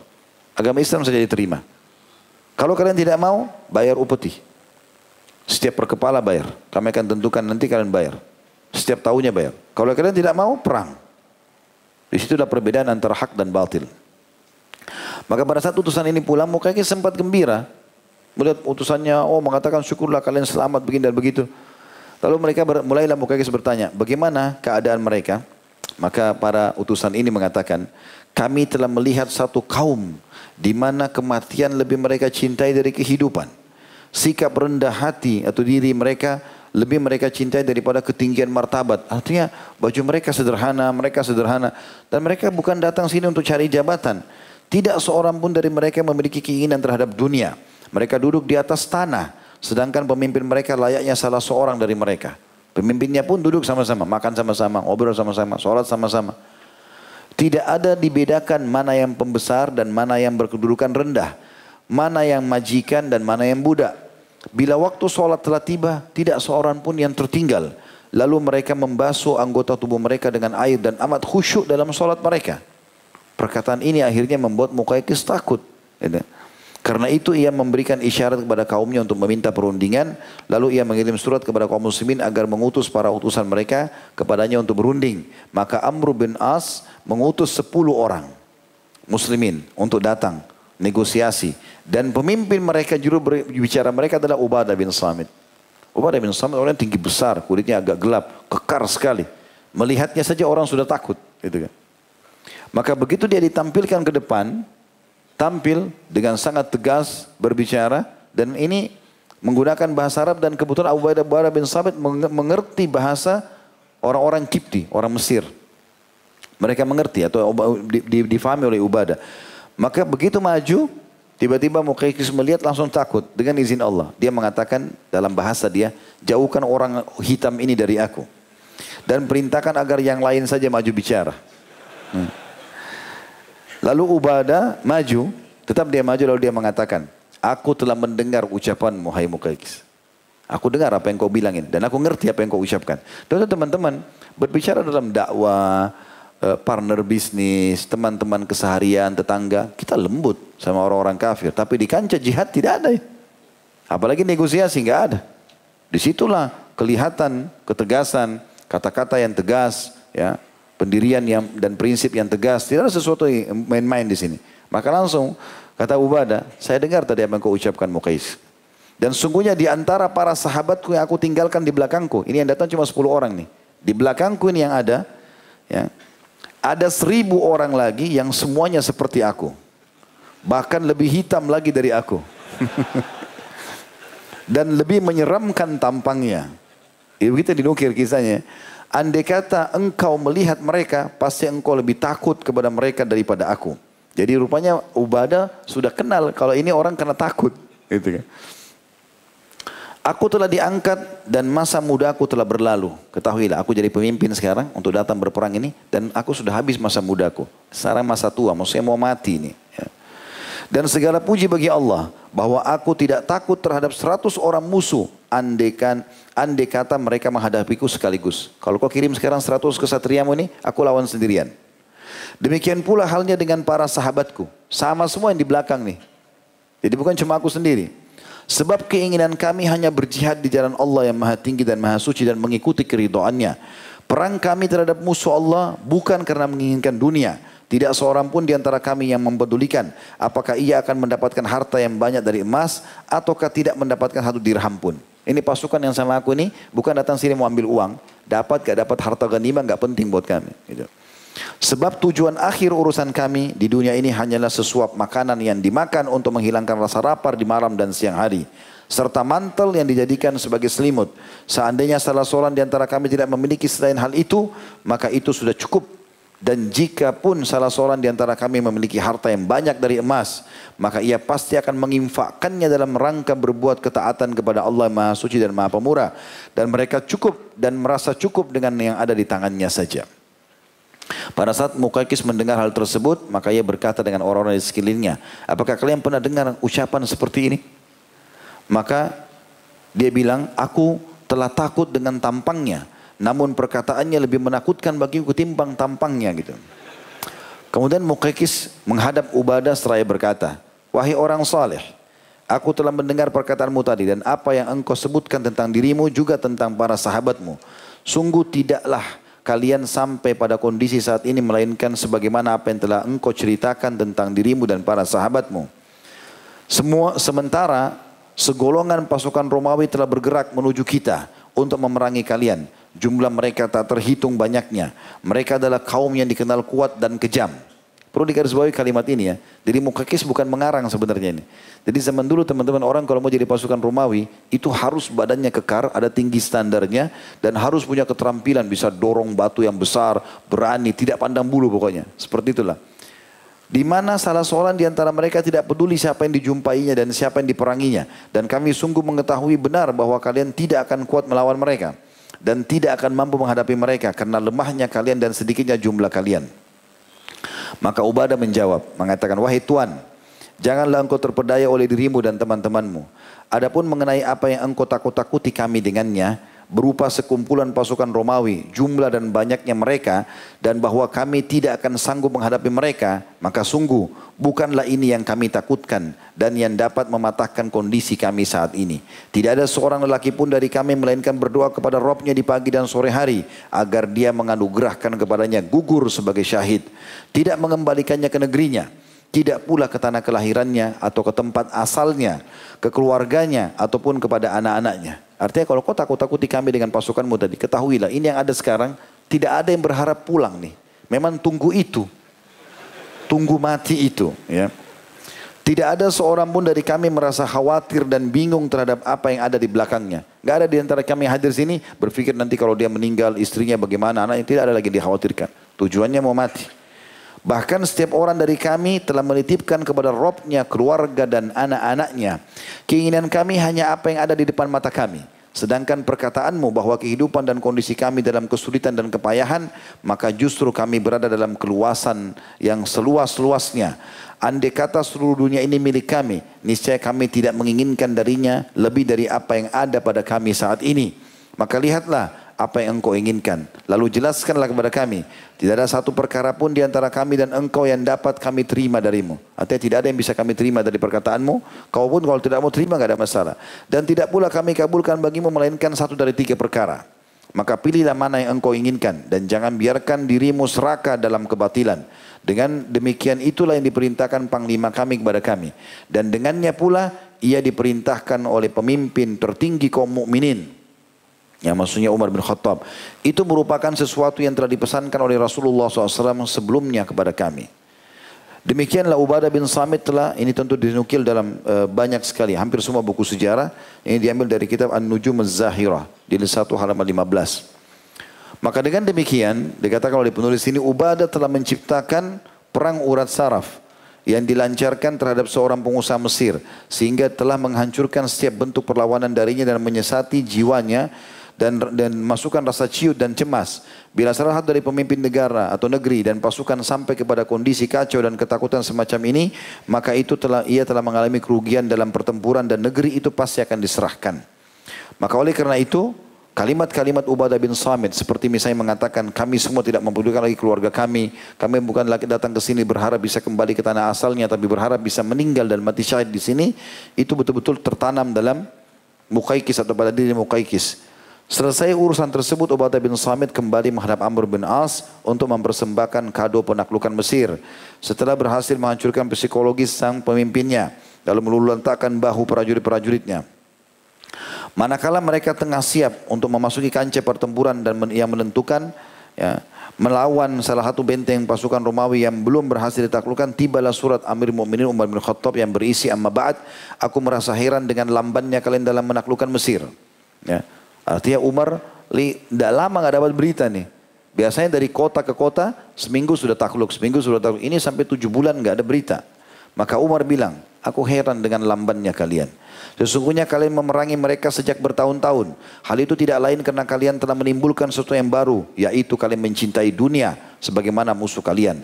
Sesungguhnya Allah Ta'ala tidak akan memberikan kemenangan kepada satu kaum, kecuali dengan ketulusan niat mereka. Aku telah mengirimkan kepadamu empat orang, dan telah aku nyatakan bahwa seorang laki-laki dari mereka setara dengan seribu laki-laki. Berdasarkan apa yang telah aku kenal, kecuali mereka telah berubah oleh apa yang telah merubah mereka. Bila suratku ini datang, maka berpidatolah di hadapan halayak. Ajaklah mereka untuk memerangi musuh mereka. Semangati mereka dengan dalam bersabar dan niat. Posisikan keempat orang tersebut, termasuk Ubadah bin Samit, di bagian depan orang-orang. Lalu suruh semua manusia agar menjadikan gebrakan mereka laksana gebrakan satu orang laki-laki. Yaitu serangan serentak. Tidak berhenti sampai menang. Dan hendaklah hal itu dilakukan setelah matahari bergeser ke arah barat pada hari Jumat. Sebab itu adalah saat rahmat turun dan doa dikabulkan di sore hari ya habis asar lalu hendaklah orang-orang berdoa kepada Rabb mereka dan memohon kepada mereka kemenangan ini surat uh, Umar bin Khattab tentunya diambil dari kitab Rijal anzalahu an, anzalahu Allahu fi uh, fihim Al-Qur'an ya. Jadi orang-orang yang laki-laki yang Allah turunkan Al-Qur'an pada mereka. Amr telah membaca surah Amir Mu'minin Umar bin Khattab lalu mulai berfikir mengenai rencana menaklukkan Iskandaria atau salah satu kota yang merupakan pusat pusat kekuatan Romawi pada saat di Mesir dan ia tidak memerlukan tenaga yang besar sebab rencana hidup sudah bergerak eh, tegak di hadapannya pada diri raksasa pertempuran yaitu Ubadah bin Samit maka ia menginstruksikan agar berangkat ke sana dan akhirnya Allah menaklukkan Iskandaria di tangan Ubadah bin Samit yang memimpin bagian depan. Ini termasuk salah satu sejarah yang paling berbekas dalam kehidupan beliau karena beliau menaklukkan ikut penaklukan negeri Syam artinya ikut andil punya pahala kepada seluruh umat Islam sampai hari kiamat yang tinggal di sana karena Islam masuk karena peperangan beliau. Begitu juga dengan Mesir takluk. Selain Amr bin As, selain Umar bin Khattab, juga Ubadah bin Samit termasuk radhiyallahu anhu yang menjadi penyebab Islam tersebar di Mesir dan sampai hari kiamat mereka akan panen pahalanya. Akhirnya teman-teman beliau meninggal dunia, Ubadah bin Samit setelah kehidupan yang panjang diisi dengan ibadah, peperangan dan seterusnya. Maka Ubadah bin Samit meninggal Tentu dengan bukan dalam peperangan, bukan di musuh, tapi dalam kondisi umur yang sudah sangat tua, 72 tahun. Dan beliau meninggal uh, di Ramallah dan kemudian lebih kuat pendapat dikatakan dikubur di sekitar Baitul Maqdis di tahun 34 Hijriah. Ya, jadi kalau teman-teman sempat satu waktu ke Palestina, maka di sebelah di sebelah temboknya Masjid Aqsa itu, di situlah uh, apa namanya ada kuburan yang diyakini kuburan Ubadah bin Samit radhiyallahu anhu dan beberapa sahabat Nabi yang lain tentunya. Baik kita akan masuk teman-teman sekalian sekarang ke manakibnya atau keutamaan beliau sendiri dan juga kita akan ambil ad-durus wal ibar pelajaran-pelajaran tentu dari kisah ini seperti biasanya. Yang pertama adalah Ubadah bin Samit keutamaan beliau termasuk salah satu orang yang awal-awal masuk Islam dari penduduk Madinah dan beliau termasuk salah satu pemimpin suku Khazraj pada saat terjadi bayat bayat yang pertama dan yang kedua. Kemudian yang kedua adalah beliau mengikuti semua peperangan Nabi alaihi salatu wassalam, terutama Uhud, eh, terutama Badr. Nanti akan kita sebutkan, kita ingatkan kembali tentang keutamaan yang hadir di Badr. Itu punya keutamaan tersendiri. Sebagaimana sudah sering kita ulang itu ya. Tapi karena ini setiap sahabat berdiri sendiri kisahnya, maka kita akan jelaskan itu kembali. Kemudian juga dialah yang telah Allah turunkan Al-Quran khusus untuk dia. Surah Al-Maidah tadi surah nomor 5 ayat 56 ya. Yang Allah SWT berfirman, "A'udzu billahi minasyaitonir wa may yatawalla wa rasulahu walladzina amanu fa inna hizballahumul ghalibun." Barang siapa yang menjadikan Allah dan Rasulnya dan juga orang beriman sebagai loyalitas atau tempat mereka bergantung maka golongan Allah itu pasti akan menang. Yang keempat, beliau termasuk ahlu syajarah tadi yang bayat ridwan ya. Dan ini termasuk mendapat jaminan surga sebagaimana sudah kita jelaskan hadisnya. Yang kelima, Beliau termasuk ikut memerangi orang-orang yang murtad di zaman Abu Bakar radhiyallahu anhu. Tentu ini tidak di buku kita tidak disebut kisahnya dan tidak disebutkan juga kiprah khusus yang yang menonjol maka kita tidak menceritakannya. Tapi beliau hadir di perang Riddah namanya. Jadi setelah Nabi SAW meninggal ada banyak suku ada di antara suku-suku Arab yang murtad dari Islam. Ya, kemudian Abu Bakar memerangi mereka termasuk penolak bayar zakat. Maka Abu Bakar bin Samit terlibat di situ. Yang keenam, beliau termasuk terlibat dalam pembebasan Palestina ya. dan juga Mesir dan beliau dinobatkan menjadi hakim atau qadi di Palestina oleh Umar. Atau di negeri Syam tepatnya. Ya, di negeri Syam atau seluruh Syam. Yang ketujuh adalah pujian Umar bin Khattab radhiyallahu kepada beliau. Bahwasanya tidak ada kebaikan di satu lokasi yang tidak ada orang seperti Ubadah bin Samit. Yang zuhud, yang pemberani, yang kuat imannya. Yang kedelapan, beliau ikut dalam eh, pembebasan Mesir dan beliaulah yang menjadi juru bicara menghadapi raja Mesir yang akhirnya menyerahkan Mesir pada saat itu yaitu Muqaykis. Ya. Kemudian selanjutnya yang kesembilan, beliau ikut bersama istrinya Ummu Haram bin binti Milhan di perang Ciprus ya. Di zaman Uthman bin Affan. Di buku kita tidak disebutkan itu ya. Umar bin Khattab meninggal tahun 23 Hijriah. Ubadah bin Sam meninggal tahun 32 Hijriah. Jadi 9 tahun setelah Umar meninggal. Nah itu masa kejayaan Uthman bin Affan. Uthman bin Affan mulai mengekspansi Islam sampai ke wilayah Ciprus. Wilayah Asianya Turki. Dan pada saat itu Ubadah bin Samit ikut bersama istrinya. Gitu kan.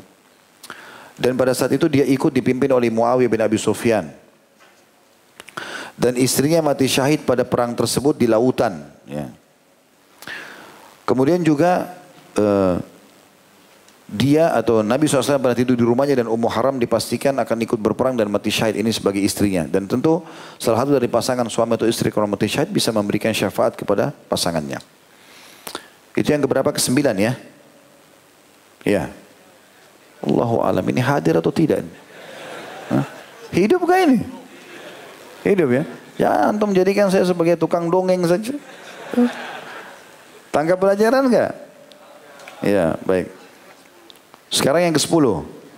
Ya, yang ke-10 adalah Nabi SAW mempersaudarakan dia pada saat tiba di Madinah dengan Abu Marthad Al-Ghazawi dari kalangan muhajirin. Ini juga tentu di buku kita tidak disebutkan tadi. Dan ini juga tidak disebutkan sebuah kisah menonjol ya. Tapi waktu Nabi SAW tiba di Madinah, beliau saudarakan antara muhajirin dan ansar. Nah, ada orang-orang yang beliau tunjuk seperti yang masyur kisah pernah kita jelaskan saat ibn Ubadah dengan Abdurrahman ibn Auf dan beberapa sahabat Nabi yang lain. Nah, Ubadah bin Samit Nabi saudarakan dengan Abu Marthad Al-Ghazawi radhiyallahu anhum. Selanjutnya beliau termasuk ahli Badr. Ya. Ini punya keutamaan tersendiri tentunya. Ini yang ke-12 eh, yang keberapa tadi? 10 11 ya. Yang ke-12 beliau meriwayatkan kurang lebih 181 hadis. 181 hadis di antaranya ada enam yang disepakati oleh Bukhari Muslim. Selanjutnya yang ke-13 ya. Beliau dikenal dengan orang seorang laki-laki memiliki kekuatan seribu orang laki-laki. Dan tentu ini ada empat orang tadi ya yang yang Umar utus ya. Salah satunya Ubadah bin Samit. Yang tiga orang itu adalah Zubair bin Awam, Al-Mikdad bin Aswad dan Maslama bin Mukhalid. Ya. Jadi ada empat orang ini yang dihitung di kalangan muslimin kekuatan seribu orang. Ubadah bin Samit satu, Zubair bin Awam yang kedua, kemudian Al-Mikdad bin Aswad yang ketiga, dan yang keempat adalah Maslama bin Mukhalid. Selanjutnya adalah Beliau termasuk orang sahabat yang pertama hafal Quran di awal-awal Islam. Ya. Dan yang terakhir adalah beliau termasuk orang yang terkenal dengan zuhudnya. Dan ini disebabkan ada sebuah kisah tadi saya lupa di sini teman-teman sampaikan. Di awal-awal Islam pada saat Nabi SAW hijrah ke Madinah. Beliau sempat mendengarkan uh, hadis Nabi SAW tentang pemimpin yang khianat. Dan bagaimana ancaman neraka bagi mereka. Dan kata Nabi SAW tidak ada seseorang yang diberikan kekuasaan oleh Allah memimpin satu wilayah lalu dia berkhianat, dia mengkhianati mereka atau tidak berlaku, tidak memberikan hak mereka kecuali diharamkan baginya bau surga. Maka semenjak itu Ubadah bin Samit berazam bertekad mengatakan tidak akan mau jadi pemimpin di wilayah mana pun. Nah pada saat diutus oleh Umar bin Khattab menembus Palestina dan juga Mesir. Sebenarnya beliau ingin ditudubatkan jadi jadi pemimpin, tapi beliau nolak. Enggak. Kalau mau saya jadi pasukan biasa silakan. Atau saya ditaruh di ujung tombak pasukan silakan, tapi jangan jadi pemimpin.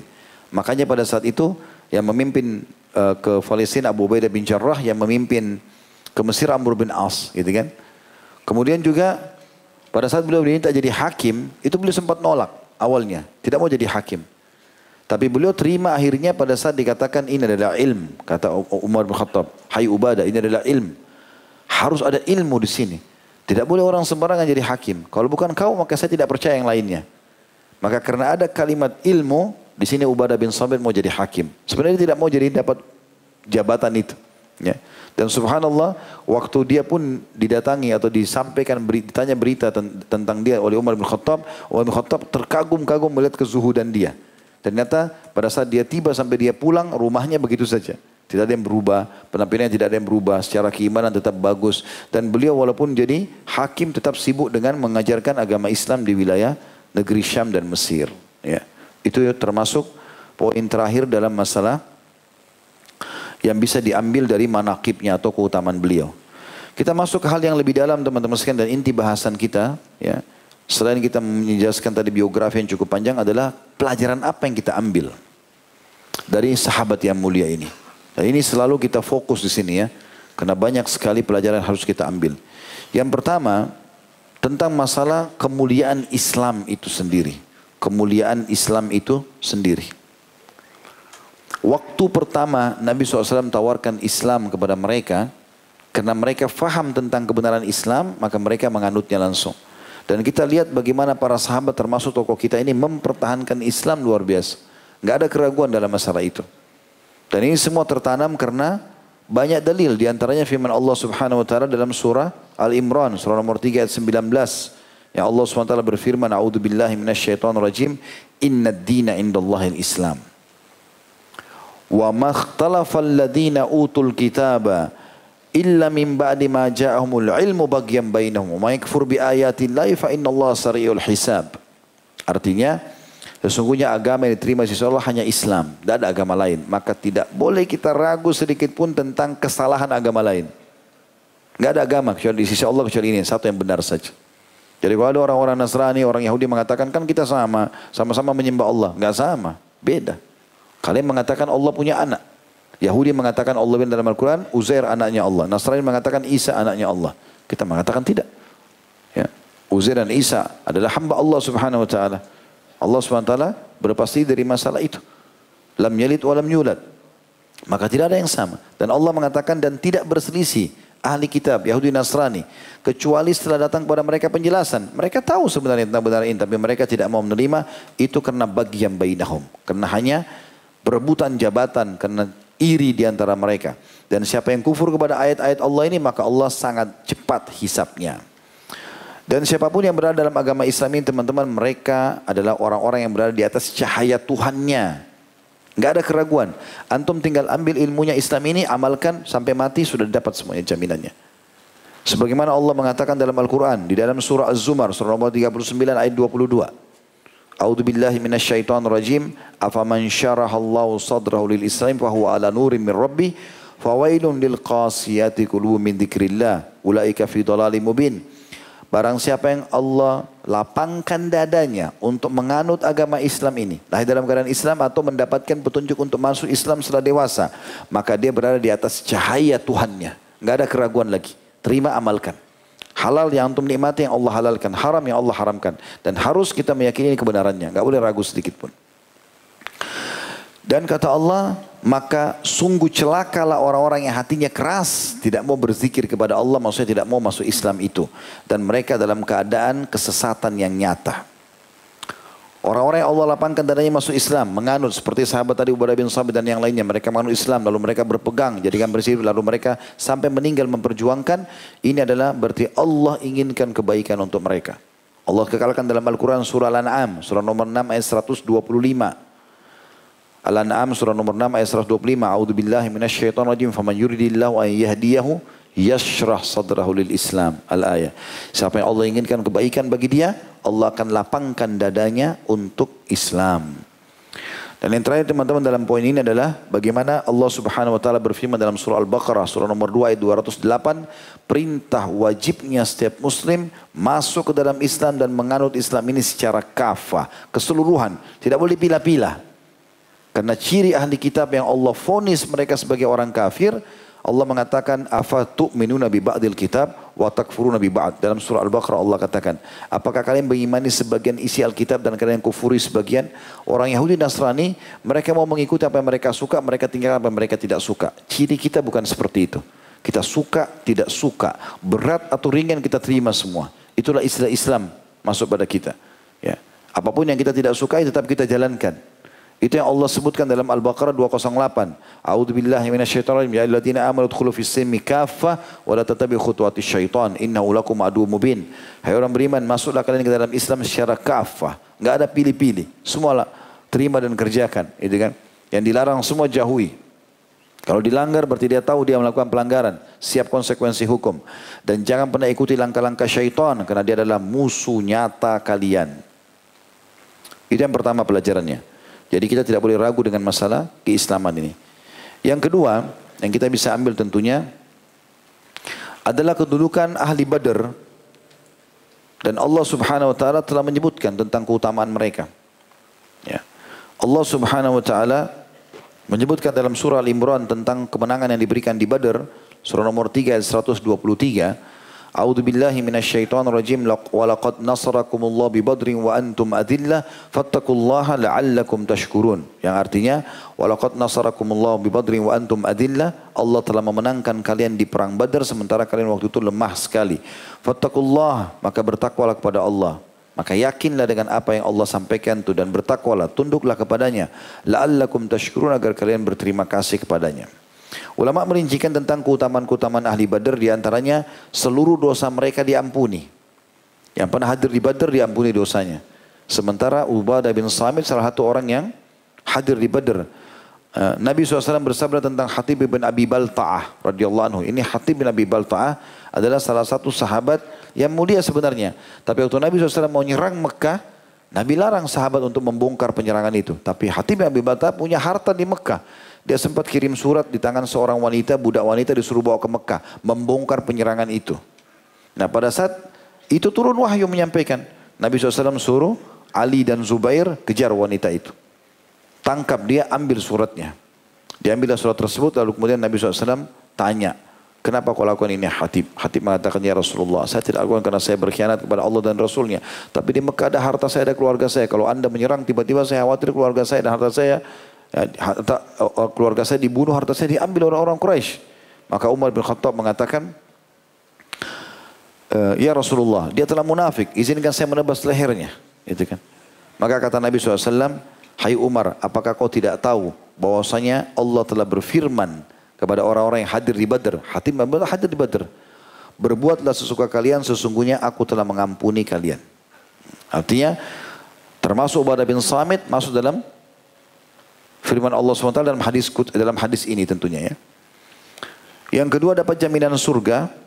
Sebagaimana sabda Nabi SAW orang yang hadir di Badr selain diampuni dosanya la yadkhulun nara ahadun syahida badra. Hadis sahih riwayat Ahmad. Tidak akan masuk neraka siapa pun yang pernah hadir di perang Badr di 313 orang sahabat itu 314 dengan Nabi SAW dapat jaminan surga. Yang ketiga adalah umat terbaik. Umat terbaik ya dari umat Islam ini. Sebagaimana hadis Bukhari bahwasanya Jibril datang kepada Nabi SAW baru bertanya, Hai Muhammad, ya, Ma ahli badr minkum? Bagaimana kedudukan ahli badr di sisi kalian? Maka Nabi SAW mengatakan, Hum khiyarul muslimin. Mereka adalah orang-orang terbaiknya umat Islam. Faqala Jibril alaihissalam, maka Jibril pun berkata, wa kadzalika minal malaikati alladziina yahduruna al-badr. Begitu juga para malaikat yang hadir di Badr adalah golongan terbaik dari malaikat. Berarti ini adalah terbaiknya umat Islam termasuk Ubadah bin Samit. Yang keempat, peperangan mereka diberikan nama dengan Hari Furqan atau pembeda antara kebenaran dan kebatilan. Dan itu awal pemicu bagaimana umat Islam mau berperang setelahnya. Ya. Allah sebutkan dalam surah Al-Anfal masalah itu. Ya, Yaumal Furqan, hari pembeda antara hak dan batil. Ini tentunya pelajaran yang kedua. Setelah kita sebutkan tadi tentang masalah Islam dan kedua adalah kedudukan ahli Badr. Yang ketiga, kedudukan para sahabat, terutama as-sabiqun al-awwalun. Artinya, Ubadah bin Samit termasuk salah satu dari orang-orang yang awal-awal masuk Islam. Karena kita tahu tadi beliau termasuk yang datang dalam bayat Aqabah tadi ya. Kesepakatan janji setia di bayat Aqabah dan beliau termasuk pemimpinnya. Dan ini punya kedudukan sendiri. Allah Subhanahu wa taala menyebutkan di dalam surah Al-Baqarah ayat 218 surah nomor 2 ayat 218 A'udzu billahi minasyaitonir rajim. Innal ladzina amanu wal ladzina hajaru wa jahadu fi sabilillahi ulaika yarjuna rahmatullah. Wallahu ghafurur rahim. Sesungguhnya orang-orang yang telah beriman lalu mereka berhijrah dan mereka berjihad di jalan Allah, mereka menginginkan rahmat Allah, maka Allah Maha Pengampun dan Maha Pengasih terhadap mereka. Kemudian juga Allah Subhanahu wa taala menyebutkan tentang keutamaan mereka. Di dalam surah Al-A'raf surah nomor 7 ayat 157 yang bunyinya A'udzu billahi minasyaitonir rajim alladzina yattabi'una ar-rasula an-nabiyyal ummi alladhi yajuna maktuban indahum fit Taurati wal Injil. Yaitu orang-orang yang telah mengikuti rasul yang nabi yang buta huruf yang mereka temukan tertulis dalam kitab mereka Taurat dan Injil ya'muruhum bil ma'ruf dia Nabi itu selalu menyuruh mereka berbuat baik. Wa yanahum anil munkar dan melarang mereka berbuat munkar. Wa yuhillillahumut tayyibat dan menghalalkan bagi mereka semua yang baik-baik. Wa yuhrimu alaihimul khaba'ith dan mengharamkan bagi mereka semua yang buruk-buruk.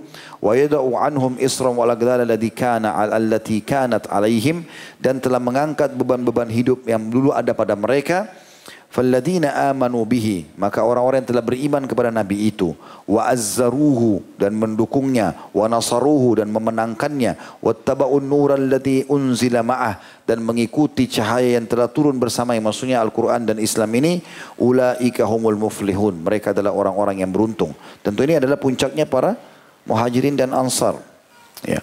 Karena dalilnya cukup banyak berhubungan dengan masalah ini. Tapi insya Allah kita juga dengan ini karena masih ada lain yang saya mau sampaikan. Maka ada kedudukan tersendiri bagi sahabat-sahabat dari muhajirin dan ansar yang awal-awal masuk Islam. Kita pindah yang keempat teman-teman sekalian. Adalah keutamaan ahlu syajarah. Ya, atau orang yang di bawah pohon. Tadi.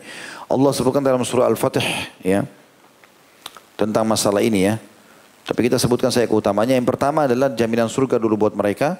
Itu disebutkan dalam hadis yang sahih kata Nabi SAW setelah mereka di, membaiat di bawah pohon kasih janji setia kalian semua masuk surga kecuali pemilik unta merah atau tadi uh, Ja'ad bin Qais itu. Itu yang pertama, jaminan surga buat mereka. Berarti Ubadah bin Samit sudah dapat jaminan surga. Karena Badar dapat lagi jaminan surga karena ahli syajarah. Yang kedua adalah tangan Allah di atas tangan-tangan mereka. Maksudnya Allah akan selalu memberikan pertolongan kepada mereka sebagaimana Allah berfirman dalam surah Al-Fatih ayat 10. A'udzu billahi minasyaitonir rajim. Innal ladzina yubayyi'unaka innama yubayyi'una Allah yadullahi fawqa aydihim. Wa man nakatha fa innama yankuthu ala nafsi wa man awfa bima ahada alaihi Allah fa yasayuti ajran 'azima. Sesungguhnya orang-orang yang membaiat kamu, memberikan janji setia kamu di bawah pohon itu adalah mereka sebenarnya membaiat Allah dan tangan Allah berada di atas tangan-tangan mereka. Maksudnya pertolongan Allah.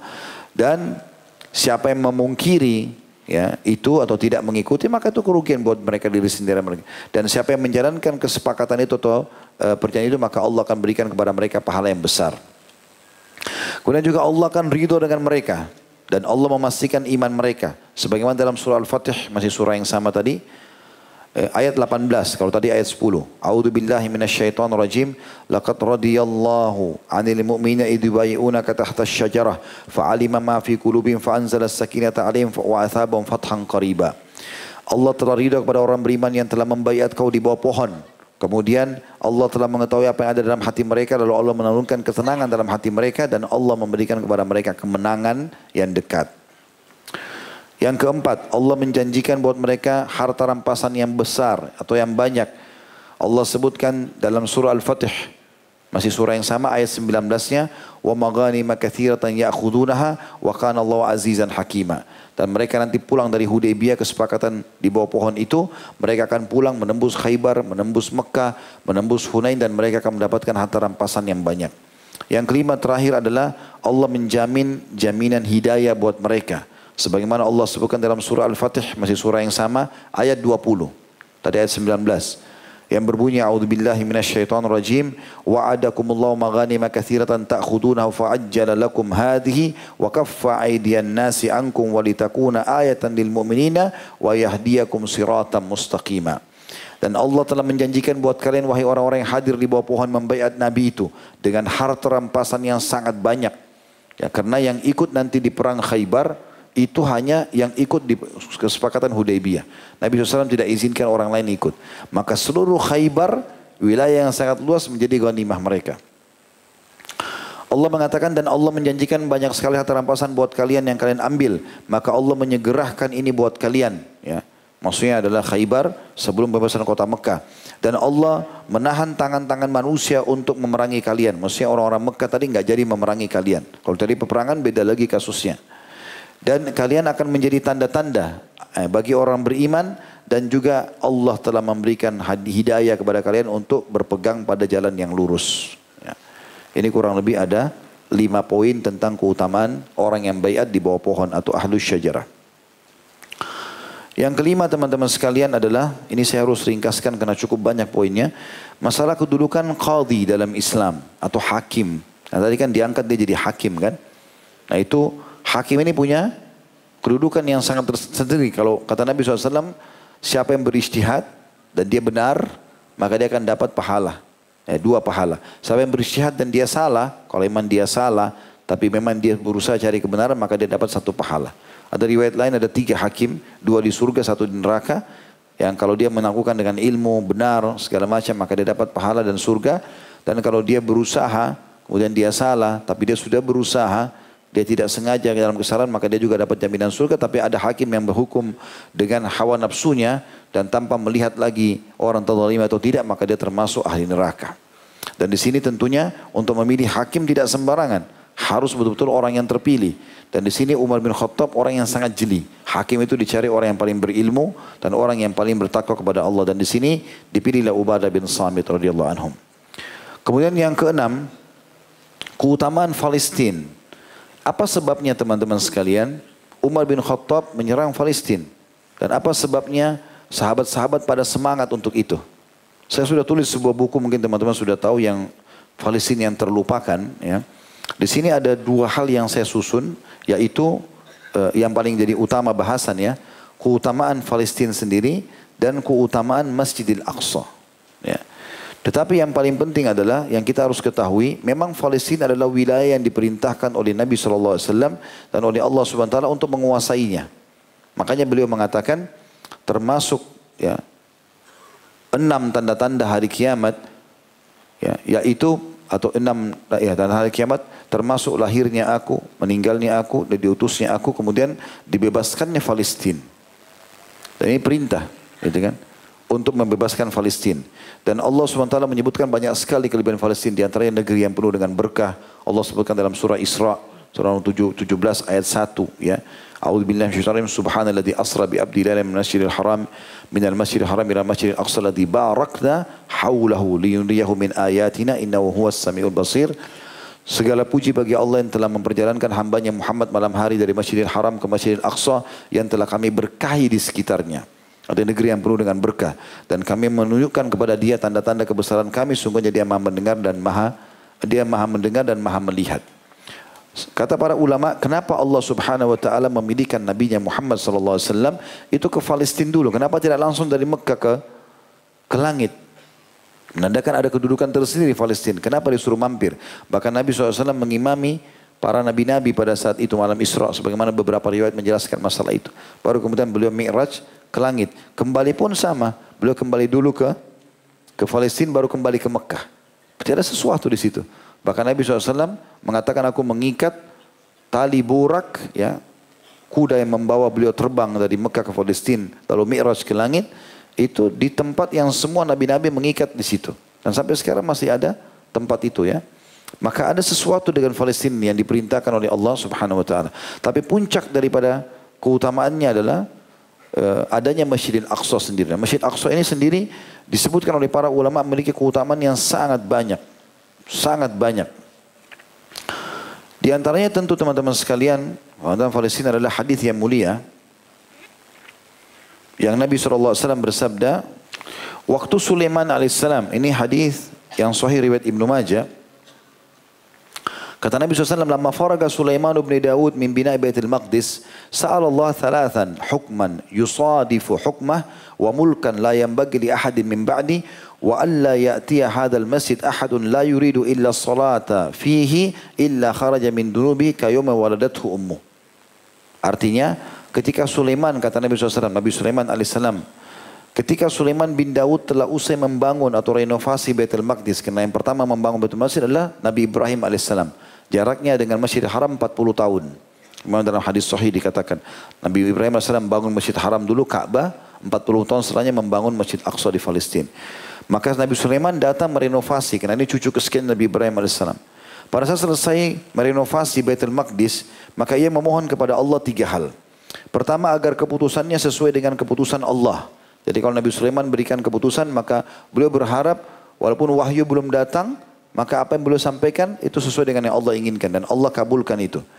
Kemudian diberikan kerajaan yang tidak patut tidak patut diberikan kepada siapa pun setelah beliau dan agar siapa saja itu yang kedua dan Allah sudah berikan dan yang ketiga adalah agar siapa saja yang mendatangi masjid ini atau Baitul Maqdis tidak menginginkan kecuali sholat di dalamnya maka keluar dari dosanya seperti baru dilahirkan oleh ibunya. Jadi artinya teman-teman sekalian, solat di Masjid Aqsa, solat saja walaupun sunnah, tahid masjid, qobliyah, solat duha, apalagi solat wajib sama. Solat saja dua rakaat. Doanya Nabi Sulaiman dan Allah kabulkan agar begitu solat di seperti baru dilahirkan oleh ibunya. Kita tahu keutamaan ini didapatkan kalau orang haji. Makanya para sahabat semangat sekali untuk mengejar Palestina itu. Kemudian juga disebutkan di dalam hadis yang lain, saya pilihkan satu hadis lagi. Ya. Karena ini cukup panjang bahasannya maka saya cukup dengan itu tentunya. Ya, hadis Nabi SAW yang lain adalah alaika bisyam fa innahu khiratullahi min ardi yajtabi ilaihi khiratuhu min ibadi fa in abaitum fa alaikum biyamanikum wasqu wasqu min gudurikum fa inna Allah azza wa jal qad qad tawakkala qad tawakkala li bisyam wa ahli pilihlah negeri Syam itu. Kalau kalian mau tinggal yang paling bagus tinggal di negeri Syam Puncaknya Palestina. Karena kata Nabi SAW itu adalah negeri pilihan Allah di muka bumi. Dan akan berkumpul pada saat itu nanti hari kiamat hamba-hambanya pilihan pula. Ya. Karena Nabi Isa AS nanti ada di situ. Dan, dan membunuh Dajjal. Bila kalian enggan, maksudnya tidak mau pilih Syam, maka pilihlah Yaman. Dan bertahanlah tinggal di dua wilayah ini. Sesungguhnya aku telah diberikan kemenangan negeri Syam dan penduduknya. Tentu ada banyak hadis-hadis berhubungan dengan masalah itu ya. Di antaranya kalau tidak salah ada hadis Maimunah radhiyallahu anha tentang masalah ya Rasul, yang beliau mengatakan ya Rasulullah sampaikanlah kepada kami tentang keutamaan Baitul Maqdis. Maka kata Nabi SAW pergilah ke sana karena dia sebaik-baik tempat untuk ibadah. Itu kan? Dan sebaik-baik tempat untuk ibadah. Dan siapa yang bisa? Kata kata Maimunah ya Rasulullah kalau orang tidak mampu ke sana bagaimana? Kata Nabi SAW menyumbang memberikan penerangan untuk Palestina untuk untuk Masjid Aqsa. Dan siapa yang memberikan penerangan? Waktu itu menyumbang minyak zaman dulu orangnya untuk di minyak zaitun biasanya bahkan di Masjid Aqsa pada waktu kami masuk itu di bagian bawah sekali sebelah kiri bagian masjid. Di bawah itu ada seperti sumur khusus untuk orang kalau mau nyumbang minyak zaitun zaman dulu ditaruh di situ. Nanti dipakai untuk nerangin masjid pakai sumbu minyak zaitun biasanya lama sekali kalau menyala gitu. Maka kata Nabi SAW siapa yang menerangi Baitul Maqdis kalau sekarang bahasa kita direnovasi ikut menyumbang untuk renovasi maka dia seperti sudah sholat di dalamnya.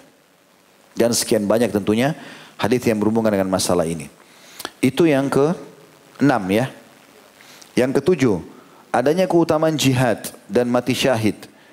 Walaupun ini sudah sering kita ulangi teman-teman sekalian, tapi tetap kita akan sampaikan karena memang beliau terkenal dengan itu, ya. Disebutkan dalam sebuah hadis yang mulia, hadis ini riwayat Bukhari Muslim, Tadamman Allah liman kharaja fi sabili la yukhrijuhu illa jihadan fi sabili. Sesungguhnya Allah telah menjamin orang-orang yang keluar berjihad di jalan Allah yang dia tidak keluar kata Allah kecuali untuk jihad kepadaku. Wa imanan bi dan karena iman kepadaku. Wa tasdiqan bi rasuli atau bi rusuli dan membenarkan utusan-utusanku.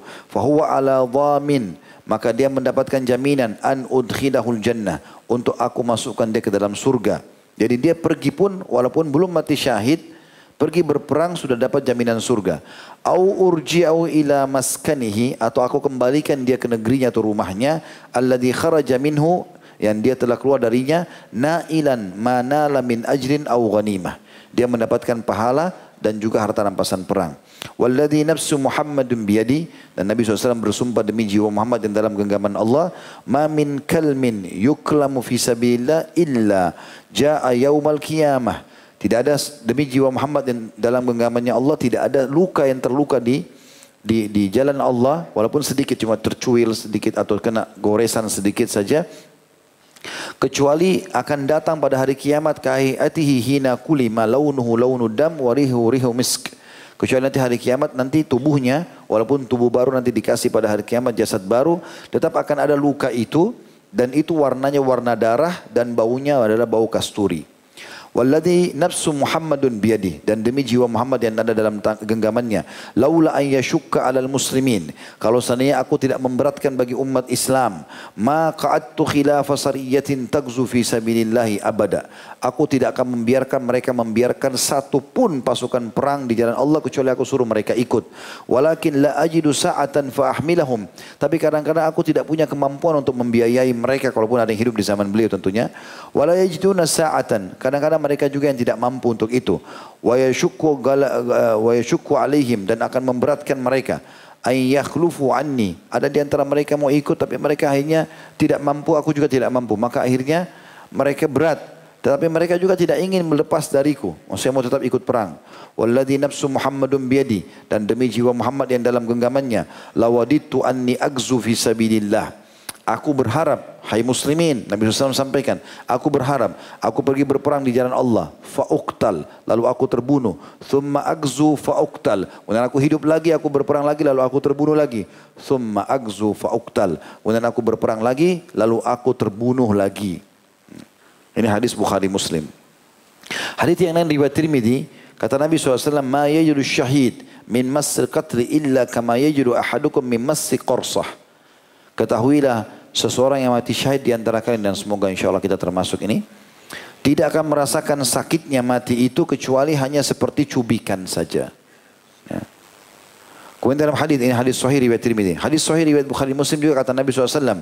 Ma ahadukum yadkhulul jannah yuhibbu an yarji'a ila dunya. Tidak ada satu orang pun di antara kalian yang masuk ke dalam surga nanti ber, masih berharap kembali ke dunia kecuali ya, walahu ma fil ardi min syai dan dia memiliki apa pun yang ada di muka bumi ini illa syahid kecuali yang mati syahid. Jadi tidak ada orang lagi nanti sudah masuk surga mau kembali ke dunia. Ya. Apalagi memiliki sesuatu di muka bumi ini kecuali orang yang mati syahid. Ya tamanna yarji ila dunya fayuqtal.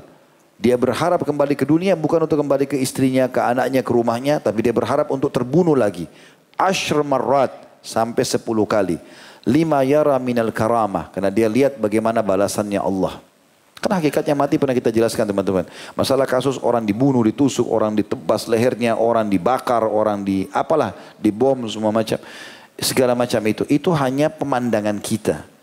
Sebenarnya dianya tidak merasakan itu.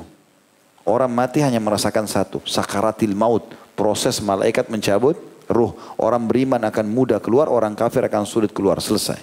Nggak ada yang lainnya. Jadi jangan terpengaruh dengan proses kematian itu. Makanya para sahabat faham ini. Mereka ikut berperang. Mau tebasan musuh, mau hantaman pedang, mau tombak. Mereka betul itu. Karena mereka tahu pada saat mereka mati nggak rasa itu. Ya, itu yang dimaksud di sini. Jadi mereka berharap kembali ke dunia ditusuk itu prosesnya bukan ikut perangnya ya proses ditusuknya proses ditebasnya karena di situlah mati syahidnya mereka berharap kembali dunia 10 kali terbunuh seperti itu juga dikatakan dalam hadis riwayat Muslim, kata Nabi SAW, Al-katlu fi sabilillah yukaffiru kulla syain illa dain. Ketahuilah, terbunuhnya kalian di jalan Allah akan memaafkan semua kesalahan kalian kecuali utang. Juga dalam hadis yang lain, yang kata Nabi SAW, Arwahuhum fi jawfi tairin khudrin. Ruh-ruh orang mati syahid itu berada di mulut atau pelatuk burung yang berwarna hijau. Laha kanadilu mu'allakatum bil arsh yang memiliki sarang-sarang yang bergelantungan di arsnya Allah yaitu tempat-tempat ya tempat-tempat seperti lampu atau tempat lampu yang mereka burung-burung itu yang memiliki tempat bergantung di arsnya Allah tasruhu minal jannati haitsu sya'at dan setiap saat burung itu bisa terbang bersama ruh itu ya pergi keliling surga. Thumma ta'wi ila tilkal kanadil. Kemudian kembali lagi ke tempat-tempat tadi. Fattala ilaihim rabbuhum ittila'ah. Lalu Allah melihat mereka dengan satu penglihatan. Faqala hal tashtahuna syai'an. Apakah kalian masih ingin sesuatu? Qalu semua orang rumah orang mati ini berkata, ayu syai'in nashtahi wa nahnu nasrahu minal jannati haitsu syi'na. Apalagi yang kami ingin ya Allah. Setelah kami bisa leluasa mengelilingi surga seperti ini sesuai dengan yang kami inginkan. Fafa'ala dhalika bihim thalath marrat. Kata Nabi SAW lalu Allah mengulangi kepada mereka tiga kali penawaran tersebut. Falamma ra'u annahum lam yutraku. Pada saat mereka lihat tidak ada pilihan lain kecuali harus mereka minta kepada Allah. Min an yas'alu maka mereka mengatakan qalu ya, kami tidak minta apa-apa ya Allah kecuali engkau kembalikan kami ya. Qalu ya Rabbi nuridu an, an tarudda arwahana fi ajsanina. Kalau memang kami harus minta, wahai Tuhan kami, kami hanya berharap satu. Engkau kembalikan ruh-ruh kami ke jasad-jasad kami. Hatta nuqtala fi sabilik. Agar kami mengalami dan merasakan lagi proses terbunuhnya di jalanmu itu. Marratan ukhra. Sekali lagi. Falamma ra'a anna laysa lahum haja turiku. Hadis sahih riwayat Muslim. Pada saat Allah melihat tidak ada permintaan lain mereka, maka Allah pun membiarkan mereka. Oleh karena itu teman-teman, sebagai seorang muslim kita harusnya berharap agar Allah bisa libatkan dalam jihad, tapi jihad yang benar. Dengan syarat-syaratnya dan terbunuh mati syahid. Dan kalau orang jujur dari hatinya minta itu, Allah SWT akan berikan walaupun dia mati di atas ranjangnya. Sebagaimana hadis sahih kata Nabi SAW, Man talaba syahadata sadikan u'tiyahu walau lam tusibhu. Hadis riwayat Muslim. Siapa pun yang minta mati syahid dan tulus dari hatinya, Allah akan berikan walaupun dia tidak menghadiri kancah peperangan. Juga dalam hadis man sa'ala Allah syahadata bisidq ballagahu Allah manadira syuhada wa in mata ala firashi Siapa pun yang berharap mati syahid dengan jujur dari hatinya, maka Allah akan berikan dia tempat orang mati syahid walaupun mati di atas ranjangnya. Dan sekian banyak hadis berhubungan dengan masalah ini. Ya, tentu tidak semua kita bisa bahas, tapi hampir semuanya lebih daripada ini sudah pernah kita jelaskan di, di pelajaran para sahabat yang memang mereka terbunuh mati syahid di medan perang. Seperti kasusnya uh, waktu kita bahas uh, Ja'far bin Abi Talib mati syahid di perang Mu'ta. Kemudian Zaid bin Haritha juga sudah kita jelaskan. Kemudian uh, kita juga menjelaskan uh, Abdullah bin Rawaha sudah pernah kita jelaskan. Ini semua keutamaan mati syahid sudah kita bahas insya Allah. Ini adalah pelengkapnya saja. Kemudian yang kedelapan teman-teman pentingnya bayat Nabi Wasallam pentingnya membaiat Nabi alaihi salatu wassalam. Dan baiat adalah janji setia tentunya ya. Janji setia. Dan para sahabat mengatakan ya, bahwasanya ada di antara orang yang lebih mencintai Badr. Dan itu betul, tidak ada masalah. Tetapi banyak orang yang melupakan tentang baiat. Padahal Badr tidak terjadi kecuali setelah terjadinya baiat. Maka kami melihat atau sebagian kami melihat baiat adalah lebih baik daripada Badr. Kemudian Nabi SAW bersabda, adakah orang yang bisa membawaku ke kaumnya? Karena Quraisy melarangku menyampaikan perkataan Robku. Hadis riwayat Abu Daud. Maka teruslah Nabi SAW memanggil sampai suku Khazraj bertemu dengan beliau alaihissalatu wassalam. Dan ini adalah awal kemenangan, ya awal kemenangan kaum muslimin. Ya. Dan ini sudah kita ceritakan tadi kisahnya tentunya. Tapi ada sebuah tambahan teman-teman sekalian. Ada satu namanya Yaum Bu'ath. Yaumul Bu'ath ini Nabi SAW mengatakan sungguhnya Allah telah mempersiapkan aku tentang kejadian Yaumul Bu'ath. Apa itu Yaumul Bu'ath? Yaum artinya har, har, har, hari ya. Bu'ath itu kalau tidak salah pembantaian.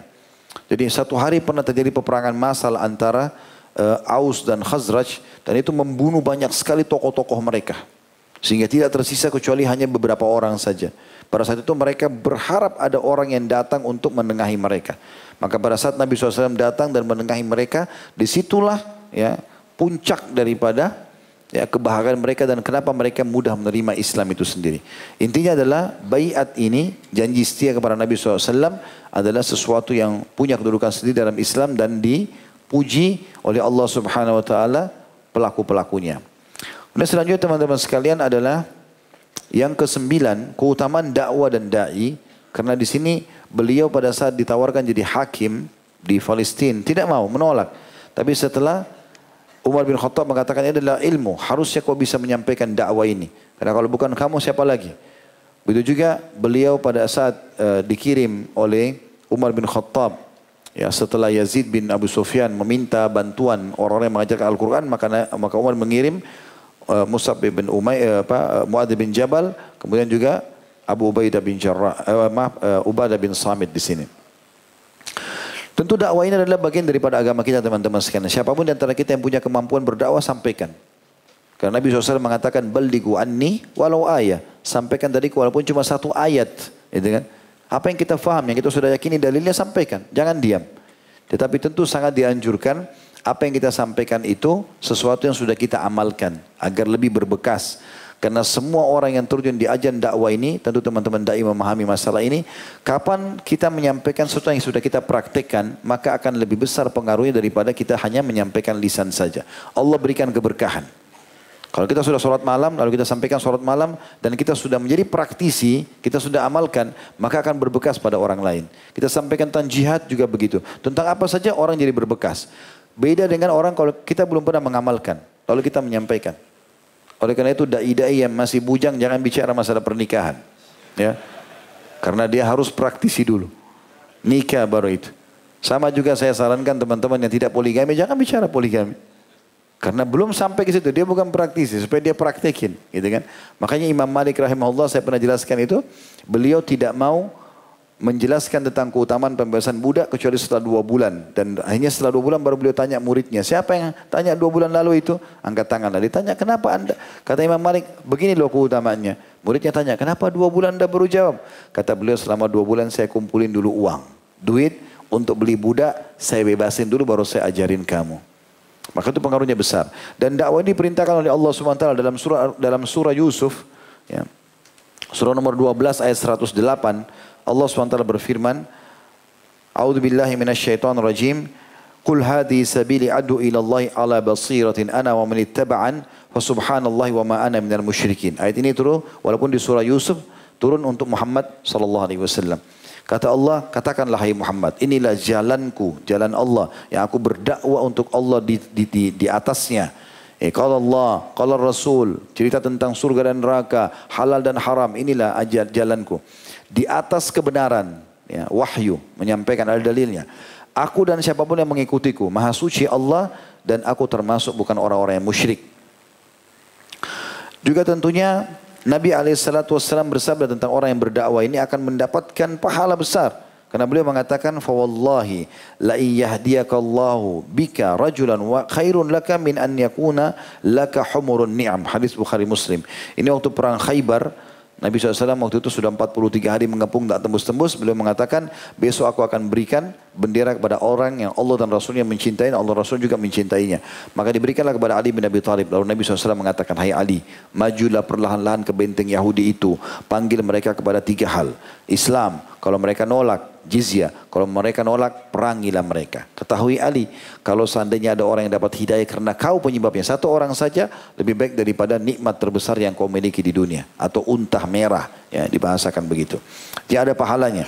Juga kita sudah tahu bahwasanya hadis yang mulia ya.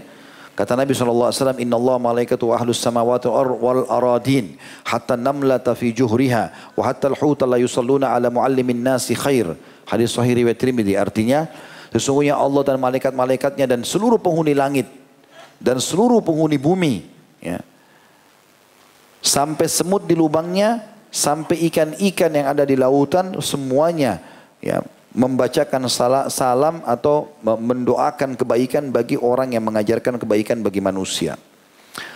Juga dikatakan dalam hadis riwayat Tirmidzi, alimun, amilun, muallimun, seorang alim yang praktisi, mengamalkan ilmunya, serta sibuk mengajarkan. Yud'a kabiran fi malakutis samawat. Dia akan dipanggil dengan besar, kebesaran di kerajaan langit. Jadi walaupun dia tidak dikenal di dunia, maka di akhirat dia akan, atau di langit dia akan memiliki kedudukan tersendiri. Juga dikatakan Firman Allah Subhanahu wa taala surah Fussilat surah nomor 41 ayat 33, A'udzu billahi minasyaitonir wa man ahsanu qawlan mimman da'a ila Allah wa amila salihan wa qala innani minal muslimin. Tidak ada perkataan yang lebih baik daripada seseorang berdakwah ya, memanggil di jalan Allah, berbuat amal soleh dan juga berkata aku termasuk orang-orang muslim. Yang terakhir adalah ini metode dalam berdakwah, kata Allah SWT dalam surah An-Nahl, surah nomor 16 ayat 125, A'udzu billahi minasyaitonir rajim, ud'u ila sabi rabbika bil hikmati wal mau'izatil hasanah wa billati hiya ahsan. Berdakwalah engkau di jalan Tuhanmu dengan penuh hikmah. Hikmah itu meletakkan sesuatu pada tempatnya. Ya, tidak tergesa-gesa menghardik, menyalahkan segala macam, tapi dengan hikmah. Dan termasuk hikmah adalah bicara pada tempatnya, menggunakan retorika yang tepat pada orang sesuai dengan jenjang keadaan sosialnya dan ekonominya dan seterusnya. Ya, ini termasuk hikmah. Wal mau'idatul hasanah dan berikan peringatan-peringatan yang baik. Kata sebagian ulama, dahulukan memberi, menyebutkan tentang keutamaan ibadah daripada ancaman. Misalnya kita mau orang lain sholat, kita sampaikan dulu keutamaan sholat itu ini, ini, ini. Kalau dia nolak baru kita sampaikan ancaman meninggalkan sholat. Itu mau itu hasanah. Dan berdebatlah dengan mereka dengan cara yang baik. Ini juga termasuk pelajaran yang kita ambil. Tentu ini juga sudah pernah saya jelaskan ya. Pada saat menjelaskan tentang Abdullah bin Mas'ud, Abdullah bin Abbas, sahabat-sahabat Nabi yang para penuntut ilmu. Ini sudah kita sampaikan insya Allah. Selanjutnya, uh, yang ke sepuluh. Ya tentang pentingnya istiqamah. Ya. Allah subhanahu wa ta'ala berfirman dalam surah Fussilat, surah nomor 41 ayat 6. Jadi artinya gini, teman-teman kalau sudah hadir di majelis ilmu seperti ini, langkah setelahnya apa? Jadi praktisi, praktekin ilmunya. Dan setelah itu apa? Istiqamah. Allah SWT berfirman dalam surah Fussilat, surah nomor 41 ayat 6. Sampai mati. Udah begini aja udah. Ya penampilannya, yang dipelajari, yang dinikmati, yang halal dan meninggalkan yang haram. Allah mengatakan, A'udzu minasyaitonir fastaqimu ilaihi wa wastaghfiruhu wa wailun lil musyrikin. Ini potongan ayat tentunya. Dan istiqamalah kalian setelah faham agama ini di jalan Allah dan beristighfarlah kalau kalian punya salah dan kecelakaan bagi orang-orang yang musyrik. Juga Allah menjamin dalam surah Fussilat sama, surah 41 ayat 30-nya, A'udzu billahi minasyaitonir rajim, innal ladzina qalu rabbuna Allah thumma istaqamu, tatanazzalu alaihimul malaikatu alla takhafu wa la tahzanu abshiru bil jannati allati kuntum tu'adun.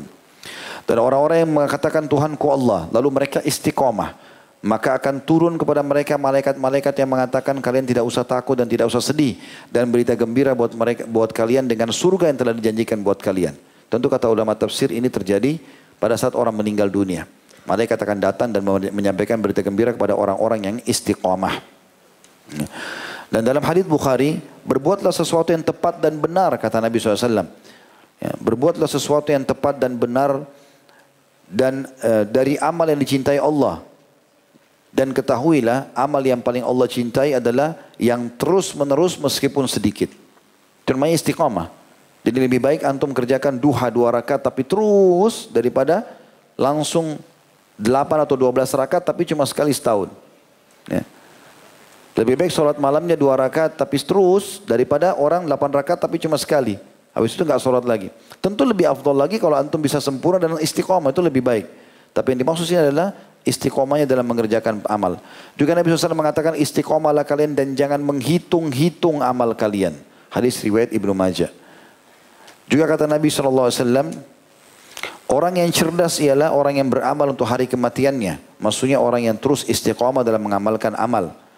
Juga dalam hadis yang lain kata Nabi SAW, jika seseorang melakukan safar, maka ia akan dicatat melakukan amalan sebagaimana amalan yang dia lakukan ketika mukim dan dalam keadaan sehat. Hadis Bukhari. Maksudnya orang kalau istiqomah, selama dia hidup, dia lagi mukim, tidak musafir, tetap sholat duha, tetap puasa Senin Kamis, tetap dia sholat qobliyah, ba'diyah. Kan kalau dia safar, bisa saja tidak ada puasanya Senin Kamis.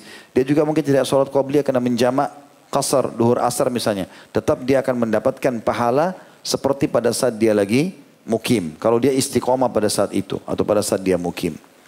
Ini banyak sekali tentunya dan kita lihat Ubadah bin Samit Olanu beliau setelah masuk Islam terus saja istiqomah sampai Nabi SAW meninggal sampai zaman Abu Bakar zaman Uthman sampai beliau mati mati di zamannya Uthman bin Affan radhiyallahu anhu Selanjutnya teman-teman sekalian, yang ke-11 ya, adalah keutamaan mendidik keluarga di atas kebenaran dan agama. Ya. Jadi uh, Ubadah bin Samit ini tidak memiliki istri Ummu Haram kecuali karena pendidikannya beliau. Jadi memang beliau mendidik itu. Bukan bukan begitu saja terjadi. Ummu Haram mau pergi jihad, kemudian sampai mendidik anak-anaknya juga. Tapi ini memang karena pendidikannya. Radhiyallahu anhu. Ubadah bin Samit mendidik dua hal istrinya yang paling menonjol. Yang pertama tentang cinta Allah dan Rasulnya didahulukan dari yang lainnya. Nanti kita akan sebutkan di poin terakhir, di poin 12 tentang masalah al-wala wal bara. Ini saya tadi percepat karena memang saya akan baca buku ini. Khusus cinta dan benci karena Allah, al-wala wal bara. Karena ini tadi yang menonjol dari Ubadah bin Samit kita akan baca insya-Allah buku ini beberapa poin penting. Itu ditanamkan sekali dan beliau menonjol di poin itu. Artinya sama sekali beliau tidak pernah lagi uh, bersekutu sama orang-orang Yahudi atau mendukung orang-orang yang berbuat kemaksiatan setelah uh, menyatakan masuk Islam dan beliau istiqamah dengan itu dan beliau istiqamah dengan itu.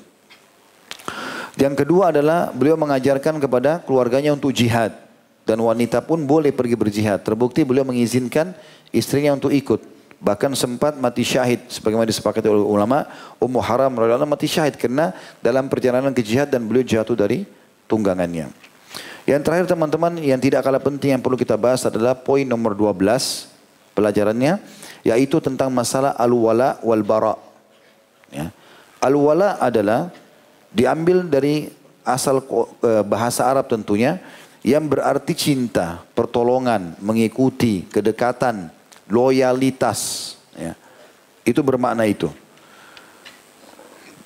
Dan secara syar'i, itu tadi secara etimologi atau secara bahasa, secara terminologi atau secara syarak adalah kepatuhan seseorang dan kesesuaian seorang hamba dengan apa yang dicintai dan diridhoi oleh Robnya, baik dari perkataan, perbuatan, keyakinan dan hal-hal yang lainnya.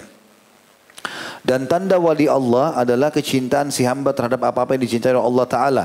Dan kerelaan si hamba terhadap apa-apa yang diridai Allah. Lalu ia melakukan semua itu dengan tekun dan konsisten. Kan tadi salah satu ciri Ubadah bin Samit beliau ya bermuala ya atau beliau berwala kepada Allah dan Rasulnya dan meninggalkan sekutunya orang Yahudi. Beliau memutus hubungan itu. Kemudian yang kedua bara, ini satu pasang ya, al-wala dan bara. Al-wala artinya loyalitas terhadap orang-orang beriman, Allah dan Rasulnya. Kemudian al-bara berlepas diri. Definisinya adalah al-bara itu secara etimologi atau bahasa membersihkan untuk berlepas diri atau memutuskan hubungan. Ya. Kemudian secara syar'i adalah kesesuaian seorang hamba dengan Robnya dalam setiap hal yang dimurkahi dan dibenci oleh Allah atau tidak diridhoinya yakni seorang hamba membenci apa yang dibenci oleh Allah Ta'ala dan tidak meridhoi setiap yang tidak diridhoinya. Baik dari perkataan, perbuatan, keyakinan maupun zat-zat tertentu atau hal-hal tertentu. Maka tanda al-bara secara syar'i adalah membenci apa yang dibenci Allah Ta'ala secara konsisten dan terus menerus. Sekarang kita masuk lebih dalam teman-teman lebih memahami al-wala wal-bara. Kata ulama yang ditulis oleh uh, atau diterbitkan bukan oleh pustaka Ibnu Umar ya ini Maha Al-Bunyan yang menulisnya. Baik, urgensi dan kedudukan akidah al-wala wal bara. Yang pertama, al-wala wal bara merupakan bagian dari syahadat. Jadi dia dihitung orang itu muslim kalau dia al-wala wal bara. Wala artinya loyalitas terhadap Allah dan Rasulnya dan orang beriman. Apa pun yang Allah dan Rasulnya suka, dia suka. Ya, kalau dia tidak suka pun tetap dia konsisten untuk menerimanya. Dan al-bara membenci apa yang Allah suruh benci dan berpasti dari apa yang Allah suruh lepas diri. Kata beliau al-wala wal bara adalah bagian daripada syahadat. Karena kalimat la ilaha illallah merupakan ya la ilaha dari la ilaha illallah adalah al-bara.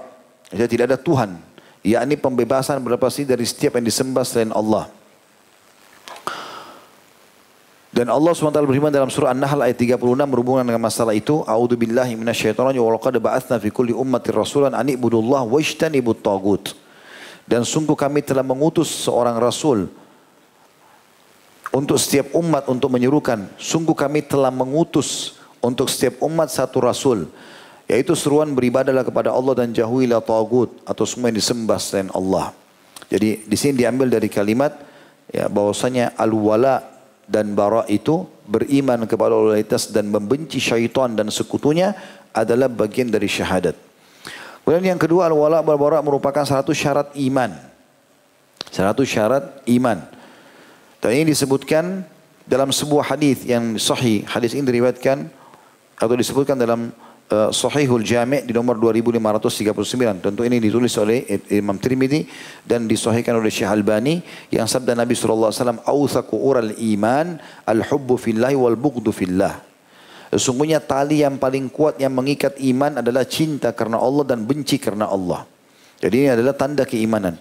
Kita mencintai dan loyal terhadap apa yang Allah cintai dan Rasulnya ya dari apa pun dari pakaian, dari makanan, dari pergaulan, dari pekerjaan semuanya kita loyalitas dan juga kita membenci semua apa Allah dan Rasulnya benci. Ini adalah termasuk syarat keimanan. Kemudian yang ketiga, akidah wala berborak merupakan penyebab seseorang dapat merasakan manisnya iman. Kapan kita loyal terhadap Allah dan Rasulnya, semua kita terima dan kita benarkan. Kapan kita berlepas dari orang-orang yang Allah suruh benci dari orang kafir dan perbuatan-perbuatan mereka, maka di situlah kita bisa rasakan penikmatan iman. Kata Nabi SAW, Salasatun man, wajada, man wajadahunna wajada halawatal iman. Ada tiga hal yang kalau ada pada seseorang maka dia akan merasakan keimanan. Ayyakun Allahu wa rasulahu habbu ilahi mimma siwahuma. Yang pertama, Orang yang merasakan kenikmatan iman itu manisnya iman. Orang yang mencintai Allah dan Rasulnya melebihi dari keduanya. Wa an yuhibbal mar'a la yuhibbu illa lillah. Yang kedua adalah orang mencintai seseorang tidak mencintai kecuali karena Allah. Maksudnya karena dekatnya sama Allah jadi kita cintai dia. Wa an yakraha yarji'a ilal kufri ba'da an ankadahu Allahu minhu. Dan yang ketiga adalah Orang yang rasakan kenikmatan iman, orang yang sudah Allah berikan hidayah masuk Islam, lalu dia benci atau dia takut untuk kembali kepada kekufuran. Di sini dikatakan au an ankadahu Allah minhu kama yakrahu an yukthaba finnar. Sebagaimana dia takut dilemparkan ke dalam api. Jadi saksi bahasan kita adalah e, di sini orang akan merasakan kenikmatan iman itu justru kena wala dan barak tadi.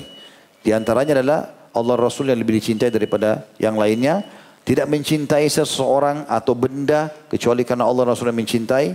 Dan yang ketiga, dia benci untuk kembali kepada kekufuran dan kesalahannya sebagaimana dia takut dilemparkan ke dalam api neraka. Yang keempat, akidah warak berborak merupakan pondasi persatuan masyarakat kaum muslimin. Sebagaimana Nabi SAW mengatakan, Ahab ahibba li akhi kama tuhibbu li nafsik. Cintalah sesuatu untuk saudaramu sesama beriman sebagaimana kau cintai buat dirimu sendiri. Gitu. Kemudian juga yang keenam, ya, ya, yang kelima, ditetapkannya pahala bagi orang yang saling mencintai karena Allah. Sebagaimana sabda Nabi SAW, Al-mutahabuna fiyah, ala manabira min nurin yawmal qiyamah. Orang-orang yang saling mencintai karena aku. Artinya loyal dengan Allah dan Rasul dan siapa pun yang Allah suruh kita cintai. Akan berada di atas mimbar-mimbar dari cahaya pada hari kiamat. Dan hadis ini hadis sahih. Dan juga sabda Nabi SAW, nanti akan ada mimbar-mimbar di eh, hari kiamat nanti penuh dengan cahaya. Di atasnya ada orang-orang yang berpakaian ber, yang berpakaian pakainya dari cahaya. Wajah mereka cahaya. Lalu para nabi-nabi dan para syuhada cemburu dengan mereka. Cemburu dengan mereka.